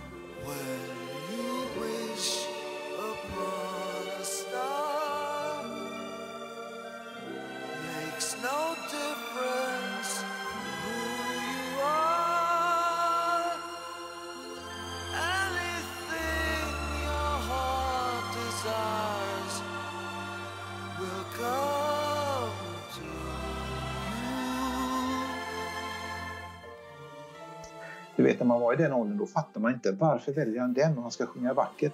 Jag vet efteråt varför han gjorde det. Att det här var det som inspirerade honom att du kan komma till USA från Mm. ett annat land, inte ha någonting och jobbade upp When you wish upon a star your dream come true. Mm. Jättefin tanke och sådär. Men då, nej du, det var inte det som jag ville höra. Nej, precis. Nej, men alltså, så kan jag också gå in och peta i varje album och ta något spår. Sådär. Men jag tänker så här. Eh, En besvikelse och jag tycker fortfarande, så visst den är jättebra, men jag tycker inte Kiss skulle gjort Hide Your Heart. För den, den låten för mig var något annat. Det, det var en låt som han skrev med Desmond Child och Holy Night. Holy Night som var med och skrev eh, The Best, eh, till exempel. Som eh, Bonnie Tyler också spelade in, fast det var Tina Turner som fick hitten. Fast då skrev de om den för Tina, så det blev något annat. Nu Mm. tycker jag bara liksom att nu blir det en upprepning. Och varför gör Kiss det? De, hade de brist på låtmaterial eller? Kände Mm. jag. Nej, men jag, jag kan hålla med dig där just där. Och jag valde ju då, jag tyckte att Ace Frehley's version var bättre än Mm. när Paul sjunger den. Och det är ju den som jag ser i mitt huvud hade varit med på eh, konsertlistan till exempel. Mm. Ja, ja. Så är det. Där var det några bottennapp då.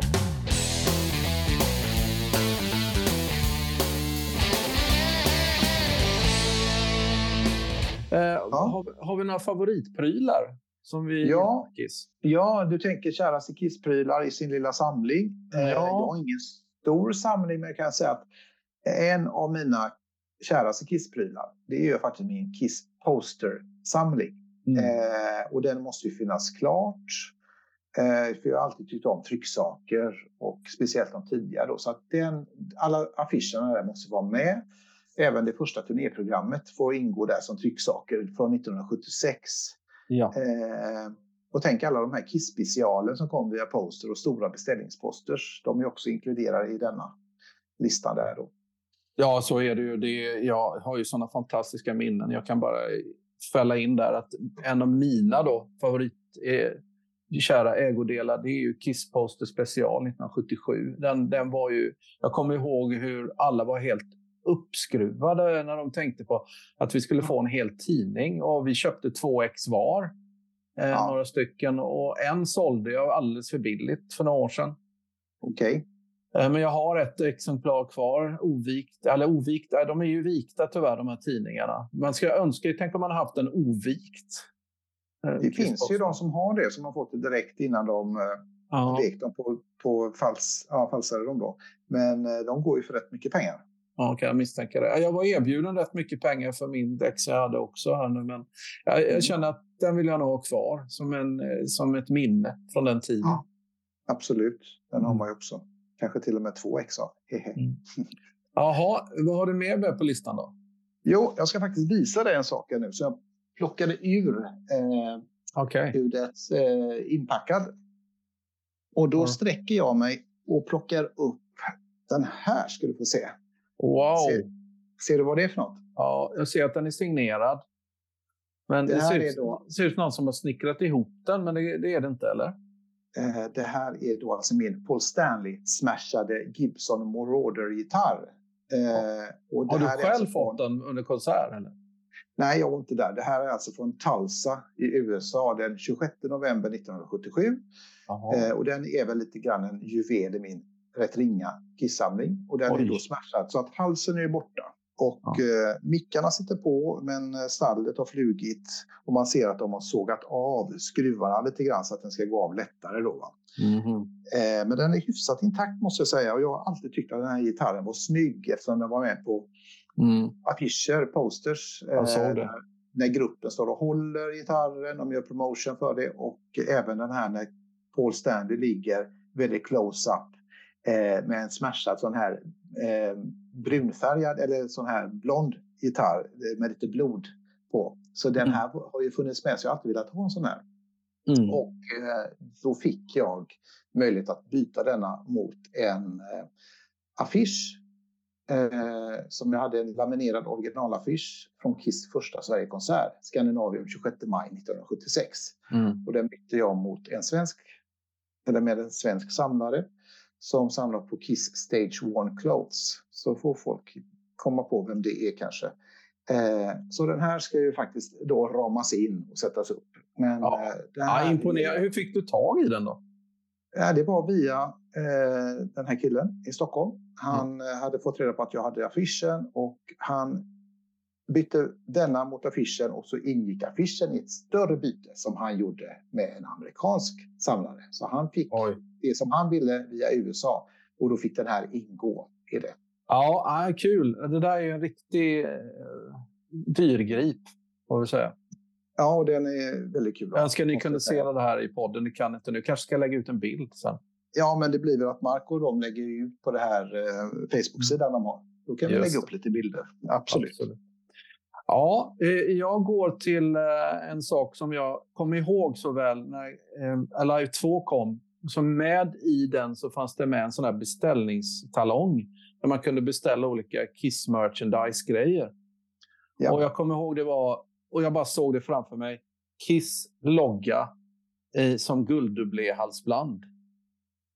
Och, eh, och den, det måste jag bara ha. Jag kommer ihåg det, jag tror det kostade typ på den tiden, vad var det? 25 dollar, något sånt där. Oj, det var mycket. Ja, men då hade de den. Jag, jag, jag kommer ihåg det var en himla process att kunna beställa någonting. Jag fick gå till banken, fixa eh, en sån här, vad heter det, betal... Voucher. Ja. Ja. Och skicka in den. Och jag visste ju inte. Och så skickar man iväg den. Man har ingen aning för när det gick brevvägen på den tiden. Eh, och sen efter typ två månader så dök den upp i brevlådan. Och jag har den än idag. Jag tycker den är så snygg. Den är ju inte äkta guld, det är ju gulddubblé då, men Ja, men skulle man förgylla den så skulle det kunna bli en äkta guldhalsband för det, det är himla snyggt. Är det. häftigt. Kul att du har kvar det faktiskt. Ja. Ja, jag har ju också kvar allting från den tiden man samlade. För är man samlare så är det svårt att göra sig av med grejer. Jag har eh, Mm. Den tredje grejen här som jag har, det är troligtvis den signerade Elder-plattan som jag vann i en teckningstävling. Eh, tidningen mm. Okej okay arrangerade detta, jag tror det var 81 där. Ja. Så den, eh, den har jag hemma. Eh, det är väl vissa som säger att är det verkligen Ace som har signerat den eller sådär. Men det var ju Okej okay som fixar detta så jag får väl eh, se vad Anders Tengner säger om jag får träffa honom. Eh, om han har någon sanningshalt i det. Men teckningstävling, en av de fem som vann. Och, så ja. den är skön. Ja, men det kan sen, man tro. Att den, ja. den, det kan nog vara en äkta faktiskt. Ja, det hoppas man. För det var det de utgick från. Att de som vinner ska få signerade plattor. Mm. Nu tänker jag mer på ett personligt möte jag gjorde då när jag var på presskonferens med Gene och Paul. Det var väl med, under Animalize-tiden. Eh, och eh, jag träffade dem på Sheraton i Stockholm. Och, eh, och, nu är det inte en sak som de har producerat, utan det var jag som tog ett foto på Gene och Paul. Eh, och de var på ett himla spexhumör. Och Gene, han gick fram och så undrade, han kollade på mina objektiv. Så okay. tog han ett av objektiven av mig. Och så ställde han sig så här. Tycker du det här blir snyggt Magnus? säger han då till mig. Så han lyfter upp den och sätter den mot ögat så här. Och så stirrar han in i den så här. Och så står Paul och spänner sin, sin muskel bredvid sig. Ja. Så jag har ett foto på det. Och det, det är sånt starkt minne. Det, det kanske man inte ska kalla en, en samlargrej, men det är ett samlarminne för mig. Ja, men det är väl jättebra. Ja, jag tycker det är så himla kul. Ja. Men ja. du, då, då, kan jag faktiskt addera nu när jag hör dig säga detta så har jag också ett minne som jag lägger till som är väldigt kärt i Kiss-sammanhang. Mm. Det var ju faktiskt när jag arrangerade mm. eh, Kisskvällen på restaurangen Räkan i Göteborg. Ja, där, där, skulle jag ju vilja varit med då. Ja, 2014 och som du ser på min t-shirt här. Ja, just det. Så där. Eh, har jag en snygg som togs fram just av detta. Det var faktiskt Marco som designade den. Och ja, eh, bilden är ju på Ace Frehley när han mm. spelar på Göteborg då. Mm. Och det här var ju faktiskt en, eh, en fest som vi arrangerade, eller jag arrangerade och så hade vi även ett band som bestod av Niklas Gabrielsson, Fredrik Stenström, eh, vi har Björn Fryklund och så har vi herr Grönlund där också på bas. Eh, fantastiskt gäng som jag då göteborgskt döpte till The Räk Bottoms. Eh, eftersom de var på räkan. Jag kan säga att bandet var inte så förtjusta i det, men jag råkade skriva det ändå. eh, och, och, det här var ju för att restaurangen skulle stänga. Och då var det många i, i olika Facebookgrupper som sa att vi måste göra något. Och då gjorde jag det. Så att eh, vi hade en jättebra kväll med tävlingar och mm. räkrace och band som spelade och käk och sådär. Så det var underbart roligt. Så att det är ett minne som jag håller kärt också. Ja, ja fantastiskt. Kul! Nu har vi tittat tillbaka här. Favvominnen och prylar tillsammans.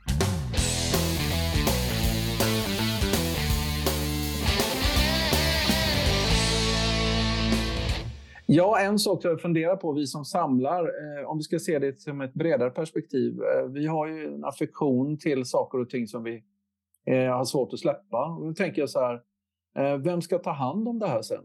Alltså, ja. kommer våra barn, familjer, vilja de ha med det här att göra? Finns det inte intresse i familjen? Det kanske man skulle ställa sig den frågan. För min del som samlar Queen-grejer, jag menar, jag har ju inte eh, så stort intresse från min familjs sida att de ska ta hand om det där. Så att jag, jag får fundera lite på, ska jag sluta samla eller vad ska jag göra av det? Mm. Ja, det har slagit med många gånger också. Jag vet att Alex Bergdahl har ju väldigt klokt eh, avyttrat stora delar av sin samling. Han känner att det ger inte honom den glädjen längre. Och mm. att det blir också att prylarna äger det till slut. Så att mm. just den här tanken att vi som är då samlare av olika grupper av merch. jag tänker att om man hade gått samman lite grann och sammanställt vad man har eh, och den dagen man trillar av pinn så jag vet att mina barn är inte intresserade av samlingen och skulle de skicka iväg det att ja, där är pappas kissprylar, där är hans dom och dom. Skicka iväg det och så förlorar de kanske 150 000 på det eller vad man nu kan tänkas. Att man hade gjort ett nätverk av eh, mm. hugade kissamlare så att man vet vad man har. Så när den och den killen trillar upp in så Precis. hjälps man åt att eh, okej, okay, det här finns inventerat. Antingen mm. att man säljer det i gruppen så att alla samlare får första king och eh, barnen får eh, hyfsat bra med betalning för det, liksom schysst pris och då blir det en Ja. win-win någonstans. Ja, och det behöver inte vara några jättesummor egentligen, men att de kommer till någon som kan värdera det. Alltså, Ja. som värderar det framförallt eh, affektionsvärdet av det, att det, det finns i rätt händer. Precis, och jag kan tänka att man kan ju också gå samman. Att, ja, men jag vill ha det och jag vill ha det och jag vill ha det. Hade jag sålt min samling, och det skulle jag mycket väl kunna tänka mig att göra framöver, för jag känner att det inte är lika angeläget att ha det längre. Så eh, alla som hör detta ska veta att den kanske kommer ut. Men Mm. då är det ju hellre att jag samlar upp alltihopa, alla trycksaker och rubbet, och så säljer jag det i en klump. Och då kan folk gå samman att ja, ja, det är 10 stycken eller 20, vi köper det. Och sen får de dela upp det som de vill. Men då har det ändå kommit, som du sa, i rätt händer från början. Mm. Så är det. Ja, en, en bra tanke där som jag tror att ni som lyssnar kan tänka på lite grann, som har väldigt stora samlingar. Eh, alla vinyler som en del samlar från olika länder, bara det är ju en stor apparat eh, att sätta värde på. Ja, precis. Jag, jag har inte så mycket vinyl. Jag har inte samlat på det på samma sätt. Mm. Utan det har ju varit vissa bootlegs, men inte så många. Utan det är mer trycksaker. Gamla Ja. fina affischer och sånt Ja. som är lite udda och sådär. Jag tänker Emma Telstar-affischer och sånt där som en del har samlat på. Mm. Men du, vad tror du hur, du? hur skulle du känna om vi säger att du kommer fram till nu ska jag sälja alla mina kissprylar. Även inklu, inklusive ditt kisshalsband där. Ja. Vad, vad tror du du skulle känna inombords efter försäljningen? Skulle det vara lättnad, saknad, sorg, glädje? Eller? Det, det är annorlunda idag. Eh, för, förut, för en, jag kan bara gå tillbaka tio år i tiden, då tänkte man ju Mm. att eh, precis som att man har en stor skivsamling, alltså att den måste man ju ha med sig i graven lite grann. ja. Ja, men alltså man vill, det, det är en del av ens eh, uppväxt och en del av ens eh, formation. Ja, DNA och formation som person, allting. Alltså, ja. och då tänker jag att, men nu så här i efterhand, om det skulle brinna inne allting, Mm. då finns det ju vissa saker. Kissgrejerna, jag har inte så många, men några av de sakerna är ju jättetråkigt om man aldrig får se dem igen. Mm. Eh, det var en del av tonåren och viktigt för en. Mm. Eh, så där fanns, finns ju mycket känslor. Men visst, eh, jag skulle nog inte gråta så mycket idag. Man är äldre, man inser att ja, Mm. det, det är mycket att hålla reda på också när man flyttar. Man, har ju flyttat ganska många gånger. Man inser att behöver jag de här grejerna egentligen? Det är sant. Och jag vet ju andra som har samlat som... Eh, vi har ju då i Queen-vloggen där en kille som hade signerade skivor, både Sheer Heart Attack och The, the, eh, Night at the Opera, där Ja. hela bandet hade signerat. Mm. Och eh, som han då kunde sälja sen. För att han kände de pengarna gjorde han, åkte han då semester med sina barn. Och det är ju Mm. någonstans att då omvärderar man ju. Det är bara saker. Någon annan får ett bra hem, de här skivorna. Och de får en bra kvalitetstid. Just det. Det där är ju faktiskt en tanke man kan slå. Det finns ju saker som man är ganska ensam om och fundera på. Som du, jag är ingen jättesamlare så, men det finns de som verkligen har gått in för att hitta de här riktigt udda grejerna som kanske man är ganska ensam om att ha i en samling. Mm. Där, där, ja, behöver jag den? Liksom? Mm. Eh, vad har jag för status som samlare? Är jag, eh, vem är det som drar nytta av det? Liksom? Är det mer än jag själv?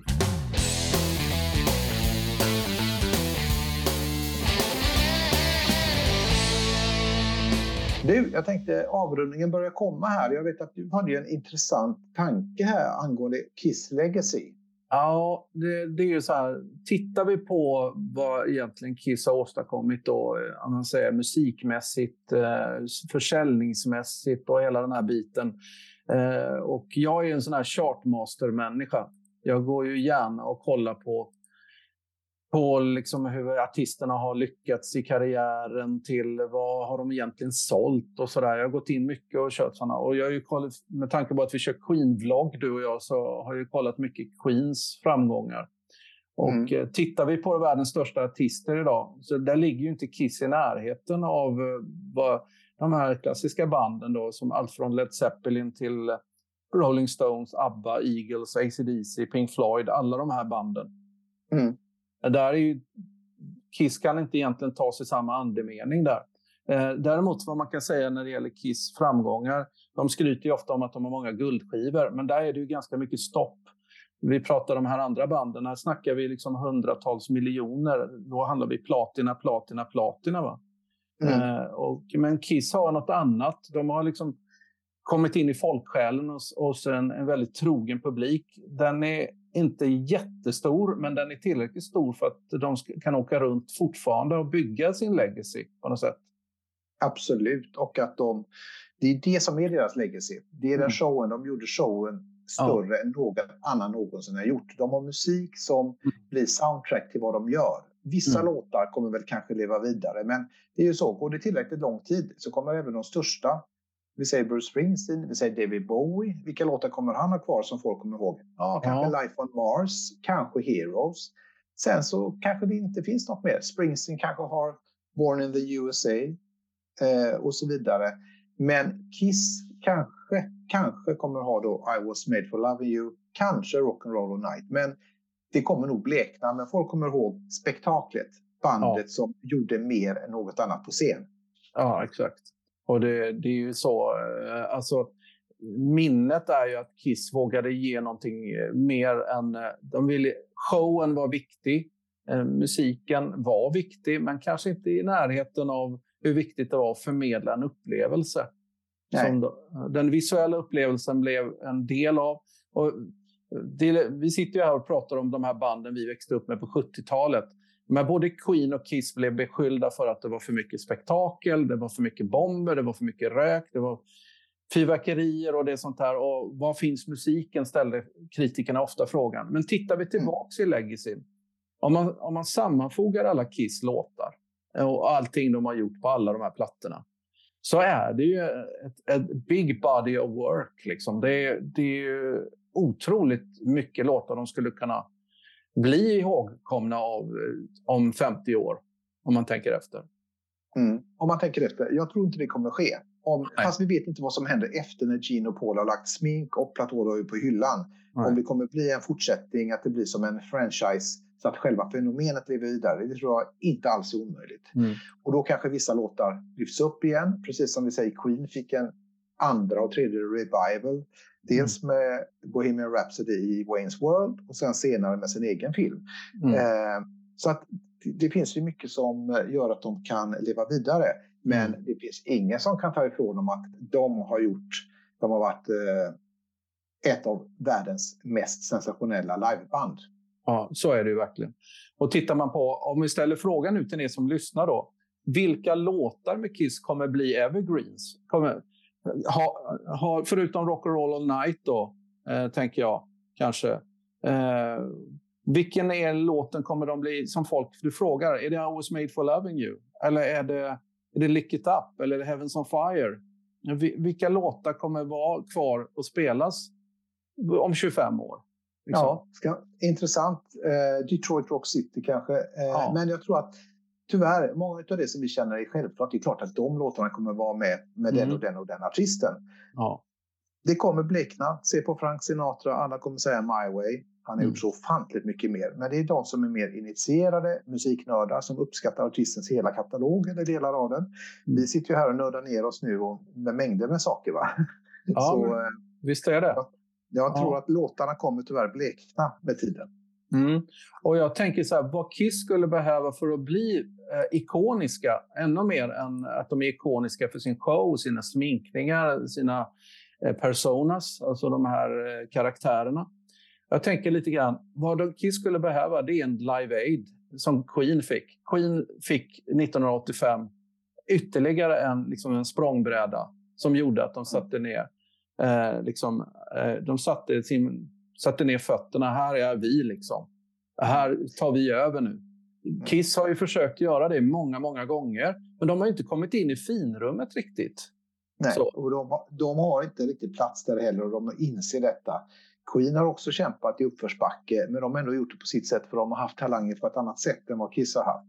Och Kiss har haft andra kvaliteter som Queen inte hade. Så att de är fortfarande, som Mm. en gammal Queen-låt, staying power.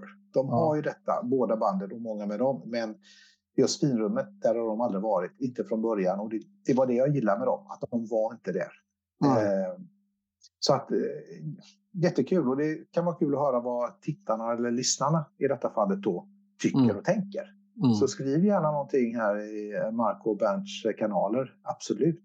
Mm. Nej, men jag tror, de har, Kiss var nog, jag tror att både Paul och Gene känner stolthet idag för att de har ändå byggt ett varumärke, precis som att man skulle blivit känd för ett klädmärke som alla går och bär Adidas eller Nike eller vad som helst. Liksom. De har det. Alltså, de, alla känner igen loggan. Ja, Eh, alla känner till eh, varumärket Kiss. Mm. Och sen spelar det ingen roll om man inte kan så många låtar, för man går på Kiss för att få en upplevelse. Och det är Mm. det som blir deras trademark. Mm. Och de flesta vet vem Gene Simmons är och Mm. Paul Stanley kanske. Eh, Men de andra namnen, det, det, de som inte är intresserade av rock eller just den typen Mm. kommer inte ha så stor koll. Men Mm. vad är det? De har ändå satt, de har ett stort tydligt legacy. Mm. Ja. Ja, det här med rocken, det är alltid intressant för att det, det old school, den gamla rockmusiken lever ju på andra sätt idag. Mm. Eh, och framförallt vad vi får ge credit för, för alla de här gamla banden. Det är Aerosmith och det är Kiss och det är Queen och det är Ja, man kan ta popnamn. Jag menar alla de här som kom under den vevan. De jobb, Rolling Stones och alla eh, AC/DC inte minst. Jag tänker liksom vad de jobbade hårt för sina, sin karriär. Och så hårt jobbar inga artister på det sättet idag, känner jag. In- Inte på samma sätt, det var andra tider också, det får vi inte glömma. Men Ja. du, jag känner så här, det här har varit kanonroligt att få vara lite gästpoddare för Bernt och Marco. Eh, Fantastiskt kul. ja, Mm. jag skulle vilja slänga iväg en liten utmaning här till Marco. Får jag lov att göra det? Ja, du, you're welcome, säger jag. Ja, jag tänker så här, det skulle vara kul. Marco som är så duktig redigerare. Tänk om man har gjort lite så här mashups med låtar som är populärt. Du vet Van Halen och Stevie Wonder så får de en häftig. Men Mm. bara med Kiss-låtar. Så jag tänker till exempel, du vet så här. Dum, dum, du, du, dum, dum. God of thunder, strange ways, du, du, du. Ja. Eller typ My Sweet Pain, Flaming Youth. Eller God gave rock and roll to you. Mm. Gave rock and, and on the eighth day. Du vet, sådana här lite roliga grejer. Kan inte Mm. folk här skicka in förslag till Marco och Bernt? Och så kanske den gode Marco kan redigera ihop och ha ett helt sådant här specialavsnitt. Jag tror två låtar som skulle funka rätt bra. Jag vet inte om det funkar tempomässigt, men lite så att jag tror att Lick It Up och Heavens on Fire skulle kunna funka ihop faktiskt. De är ju lite Så, syskonlåtar ja. sådär. Ja, ja Mm. precis. Stora hittar där 80-talet. Uh, ja, jag tänker lite hur de gjorde på Live 3. Där gick ju låtarna. I was made for loving you. Där. Nej, men Rock and Roll all night gick ihop med någon låt där. Va? Nu är inte jag det precis i huvudet. Men, Nej, jag eh, tänker mer att fenomenet hade varit kul att bara se som ett uppslag. Ett Ja. tema. Vi vet inte ens eh, om vad andra tycker eller om Marco tycker att detta är en jättedålig idé. Och då får det inte komma med. Nej, precis. Nej, men jag Ja. tror att Rock and Roll All Night gick över till Lick It Up på Live 3. Jag tycker det var en ganska snygg övergång där. Men det, det är nog mer att det funkar live. Det är inte säkert att det funkar att sitta och mixa ihop det så. Nej. Så kan det vara. Absolut. Ja. Ja, men vad kul, eh, Mikael, att vi fick göra det här. Eh, Vi är ju lite kissnördar, det måste vi medge. eh, Även om inte vi kanske är Sveriges största kissnördar. Men vi har definitivt kiss i vårt DNA. ja, du tänkte nästan så här, vi har faktiskt Kiss i blodet och det låter ju lite konstigt, men vi har faktiskt varit med väldigt länge som Kiss-fans. Eh, så jag säger bara tack Marco, tack Bernt. Det har varit underbart att få kunna fylla ut era redan stora skor i detta Kissforum. Eh, jag är jättenöjd och jag önskar fortsatt trevlig sensommar faktiskt. Från mitt håll, Mikael, här i Halland. Jag önskar likadant från Kalmar här, Magnus Rodén. Och vi hörs och syns eh, i Queen Champions Flowcast Sweden för er som är intresserade. Wow, vilken inställning. Då säger jag...